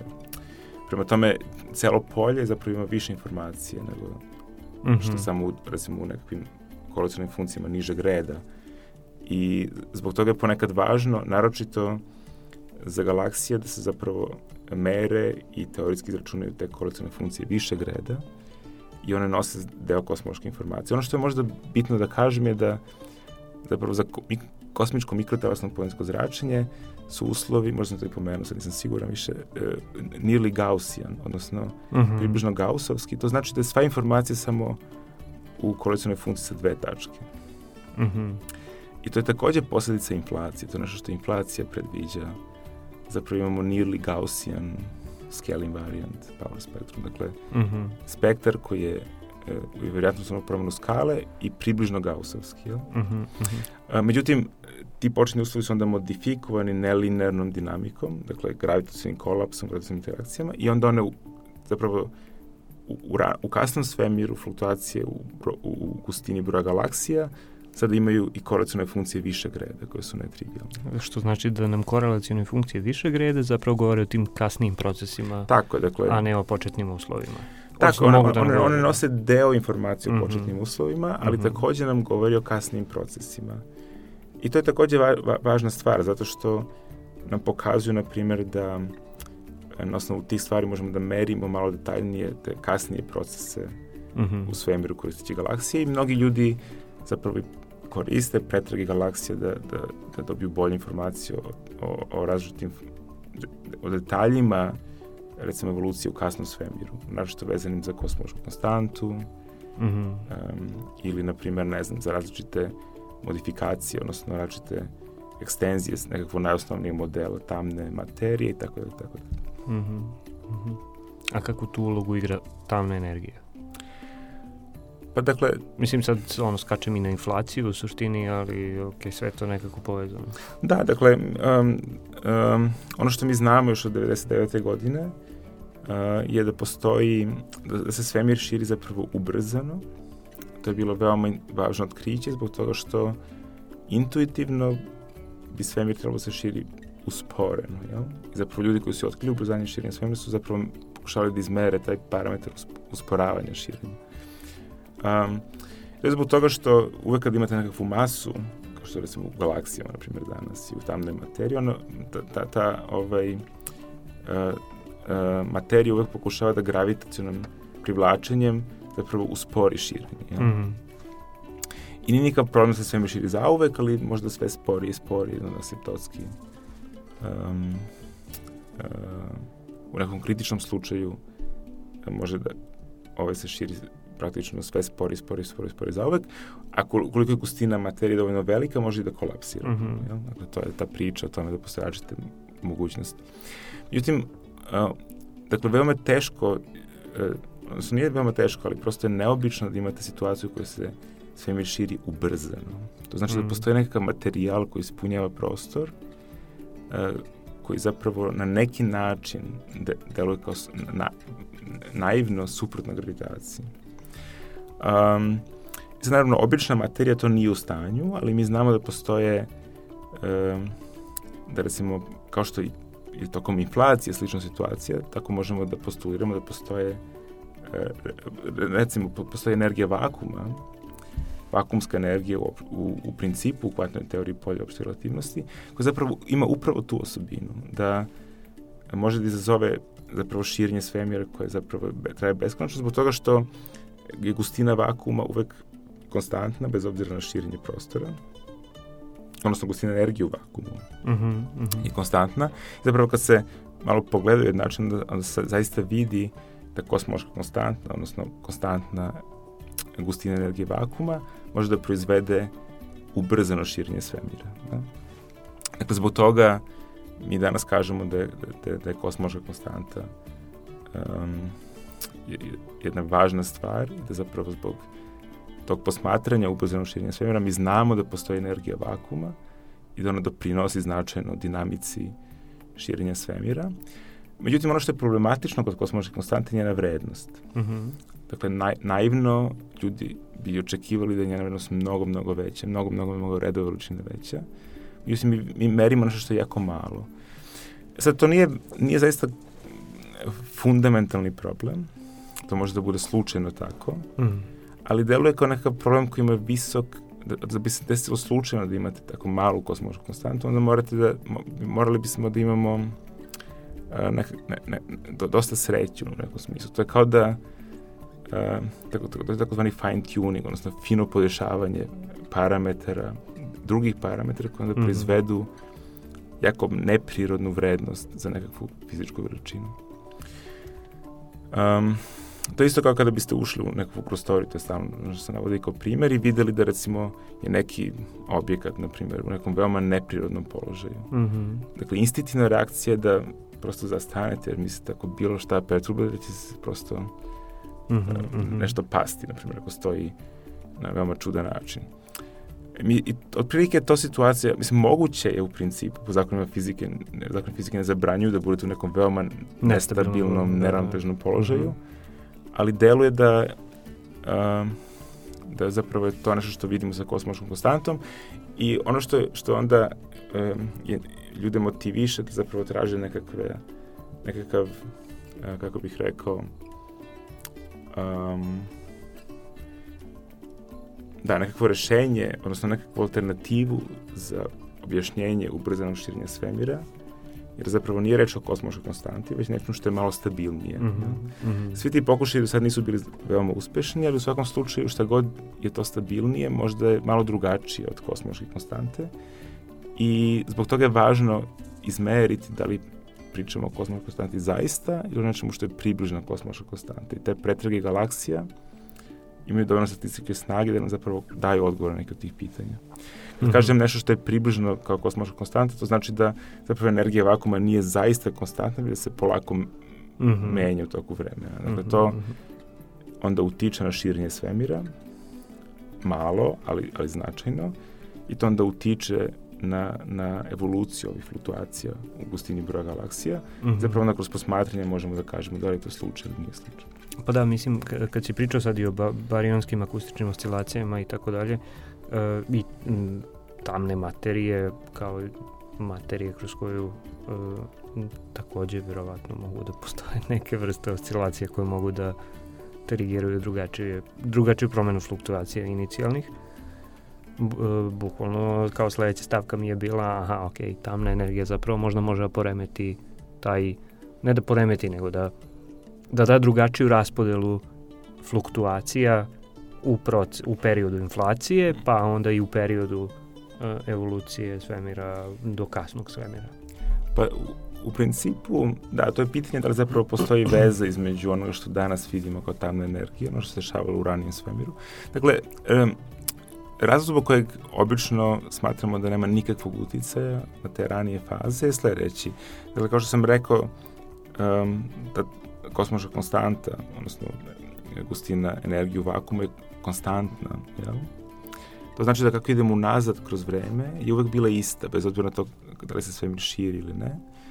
Dok recimo druge komponente, kao što je recimo materija i mhm. zračenje, mm -hmm. menjaju svoju gustinu sa širenjem svemira. Naprimer, ukoliko imate nekakav broj čestica u nekoj kutiji i onda povećate duplo dimenziju kutije, vi ćete zapravo smanjiti gustinu čestica 8 puta, mm -hmm. zbog toga što je to 2 na treći, jel? dva puta po svakoj dimenziji. Um, ali na isti način kad recimo gledamo univerzum koji je sve, sve manje i manje u prošlosti, je zapravo gustina ma materije sve veća i veća, mm -hmm. za razliku od kosmoških konstanta i slično sa zračenjem. Dakle, uh, ako idemo u rani svemir, da, danas je kosmoška konstanta, odnosno energija vakuma, ima sličnu E, vrednost mm -hmm. kao i mhm. ostale gustine energije. Mm -hmm. Ali ako idemo nazad u, u prošlost, vrlo brzo sve ove druge komponente postaju mnogo dominantnije. Ko, koje druge nešto? Pa, na primjer, tamna materija mm -hmm. ili, ili obična materija ili, recimo, zračenje čak. Mm -hmm. Tako da u ranom svemiru, uh, koji, koji je bio mnogo puta manji, uh, kosmoška konstanta koja je konstanta, zapravo konstantna mm gustina energije, zapravo nema nikakvu ulogu. Mm -hmm. Dakle, jedini način na koji bi nekakva vrsta tamne energije mogla da ima ulogu, da je bila mnogo veća u prošlosti, a da je danas mnogo manja. Tako da ima nekakvu netrivialnu evoluciju, što je u principu možda moguće, ali za sad ne postoji nikakav... Uh, to, to, pa to ne vidimo iz posmatranja. Da, to ne vidimo iz posmatranja. Tako da, ako se zaista radi o energiji vakuma, onda ona zaista nije imala nikakvu značajnu ulogu u ranijim fazama evolucije svemira, prosto zbog toga što je energija vakuma uvek, odnosno gustina energije uvek konstantna, dok ostale e, komponente energije kao što su zračenje ili materija se povećavaju kad mm -hmm, idemo u mhm. prošlost. Ok. Um, ajmo još jednu pauzu pa da onda polako zaokružujemo priču. Ne znam u kom smeru možemo da zaokružimo, ali mislim otvorio si sad toliko tema. Široka je oblast. Thank you.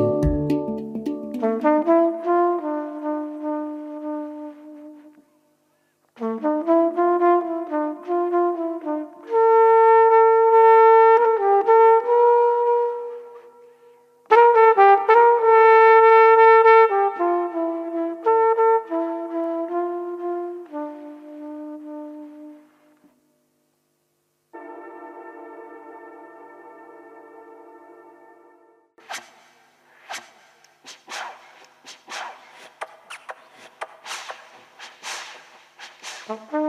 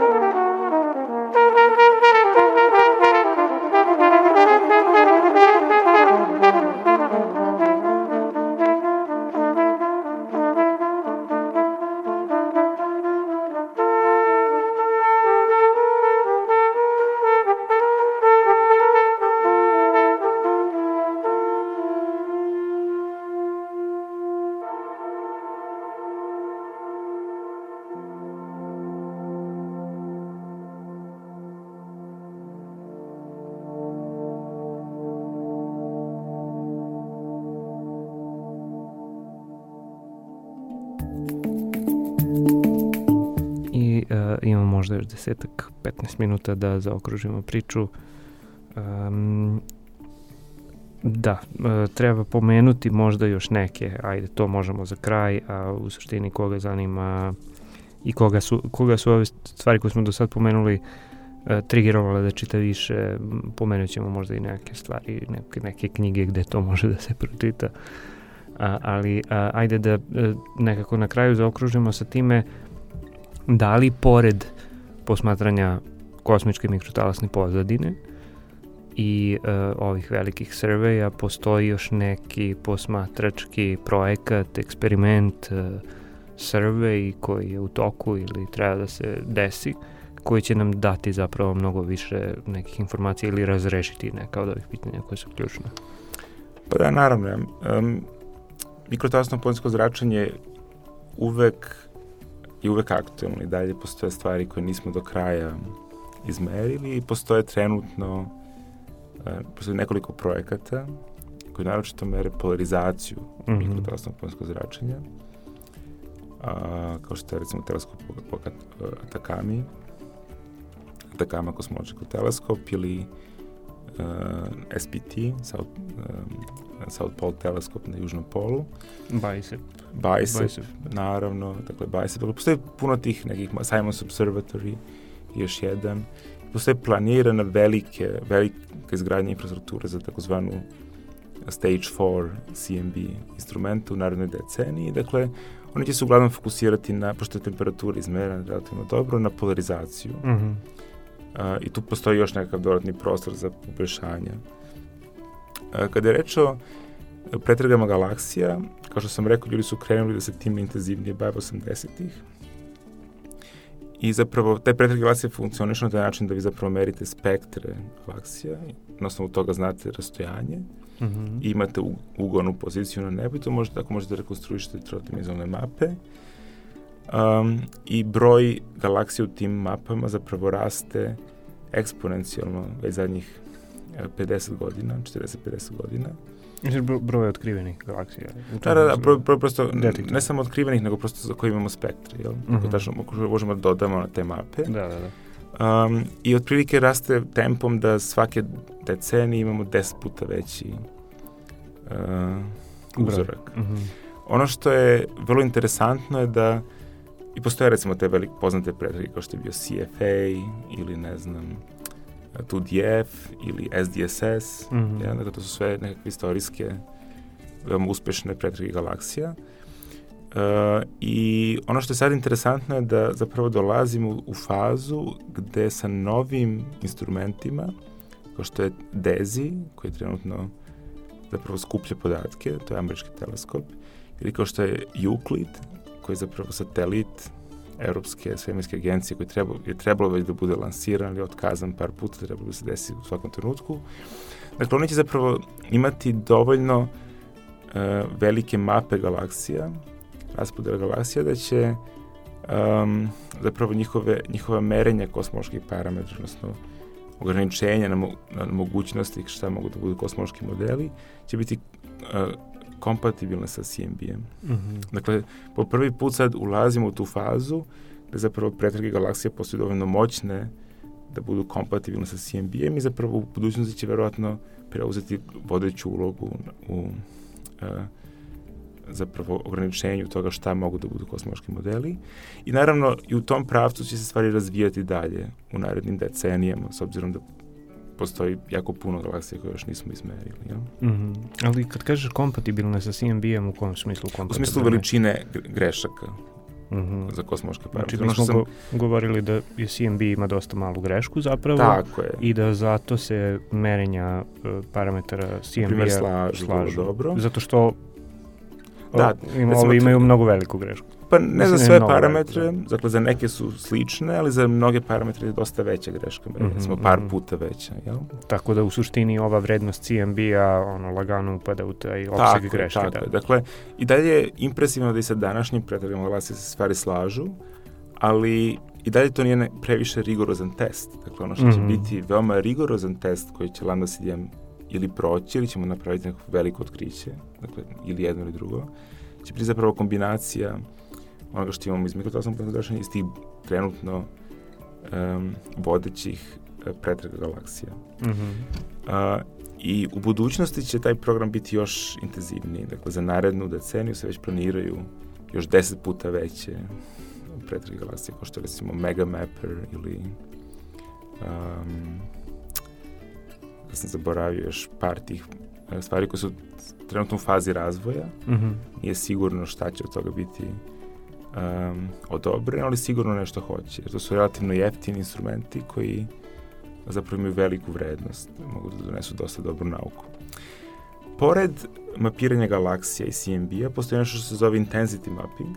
Mm -hmm. Dakle, radi se uh, zapravo o mapiranju nekakvih karakterističnih linija, kao što je recimo linija neutralnog vodonika, 21 cm. Ja, to nismo ni pomenuli zapravo. Da, to nismo ni pomenuli, ali zapravo funkcioniše na isti način koji i sve ostalo. Dakle, mm -hmm. opet se radi o tome da zapravo na taj merenjem te specifične linije merite raspodelu vodo, neutralnog vodonika u svemiru. Mm -hmm. Ta ne, neutralni vodonik prati relativno dobro, znači na malim crvenim pomacima gde su galaksije, mm -hmm. čak i mhm. one koje ne možete da vidite po toga što je, i, recimo su previše e, male magnitude, odnosno nisu dovoljno svetle da biste ih videli, ali recimo možete da izmerite neutralni vodonik.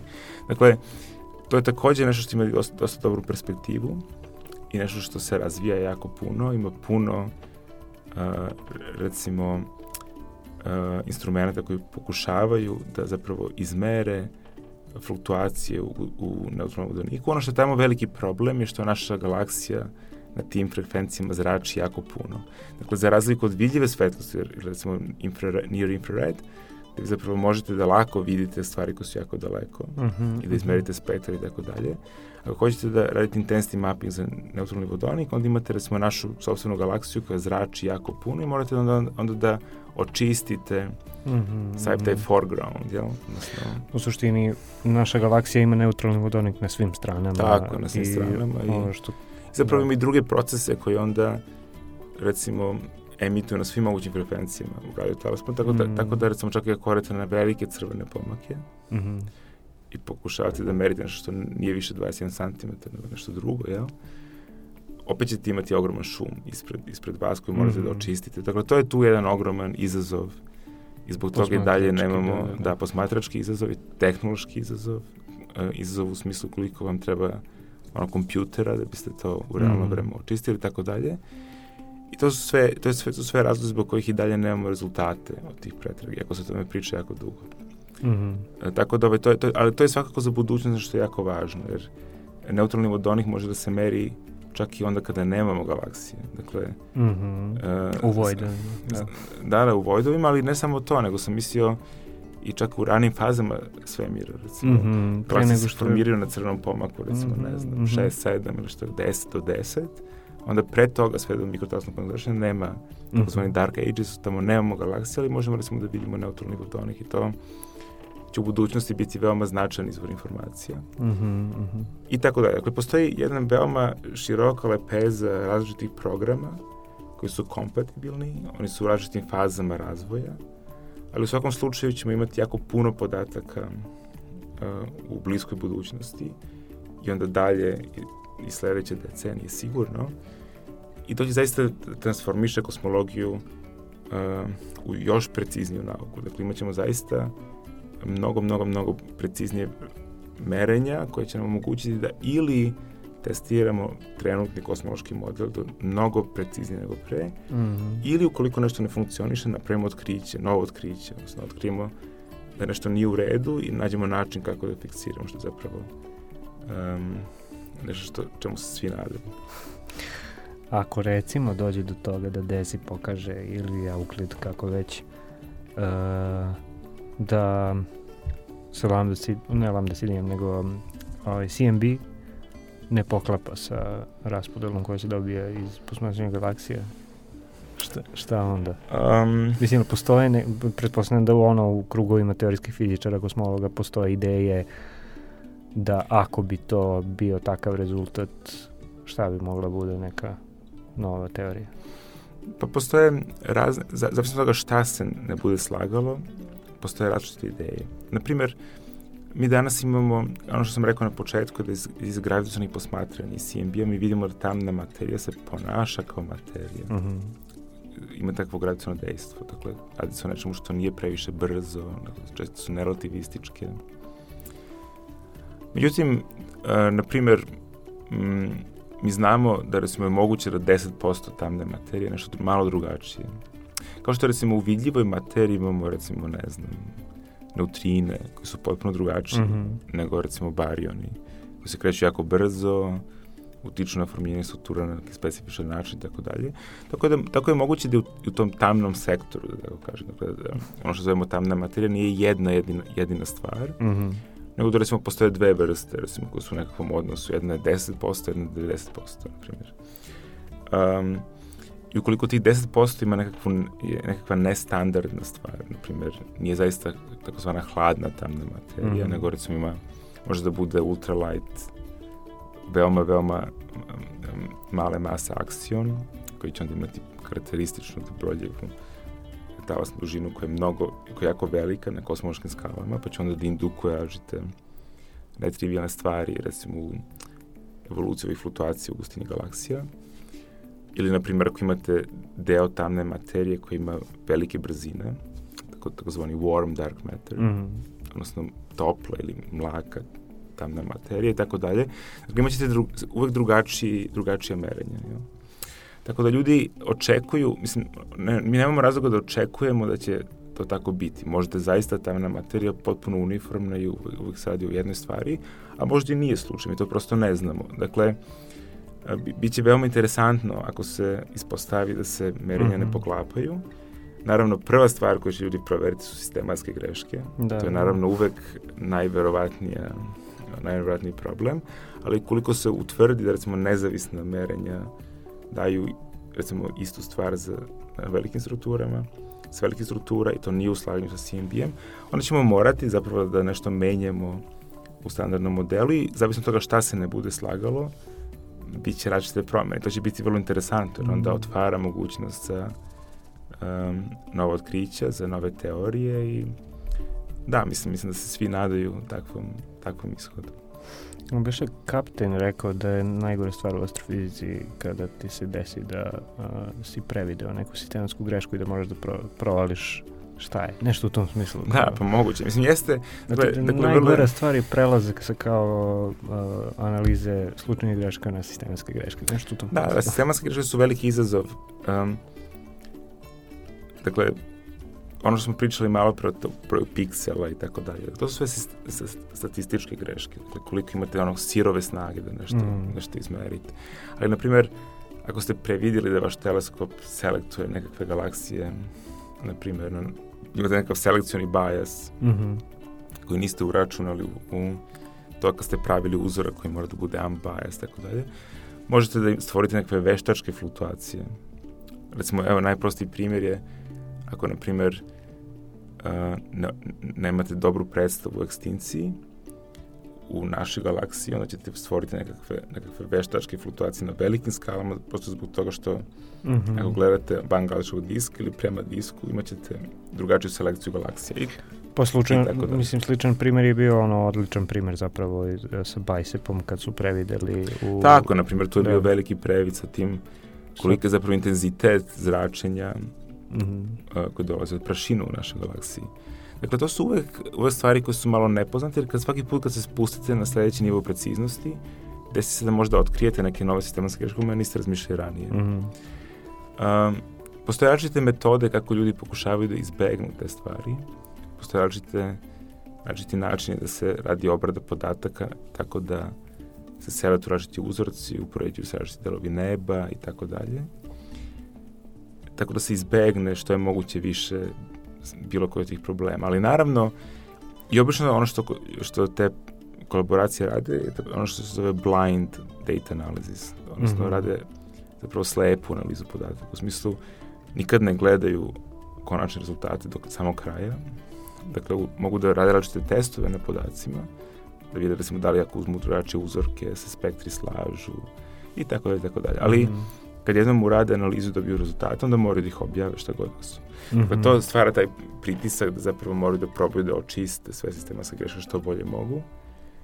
Um, naravno, čak i ako se desi da e, se CMB i lačke strakče ne poklapaju, bit će vjerojatno velika onda dilema da li u pitanju stvarno nova fizika mm -hmm. ili neki pr drugi problem, ali to će se vremenom rešiti, jer onda Mislim, ono što je, što je važno je ako nađemo takvu, takvo neslaganje, to onda znači da je ono dovoljno veliko da sa budućim pretragama koji će biti bolji, imati još manje greške, ukoliko mm. zaista ostane tu, onda zaista je rečeno ovoj fizici. Dakle, bit će moguće testirati mm -hmm, um, šta je tačno ta dva slučaja. Dobro. O svemu i svačemu smo pričali. E, hvala ti što si izdvojio vreme.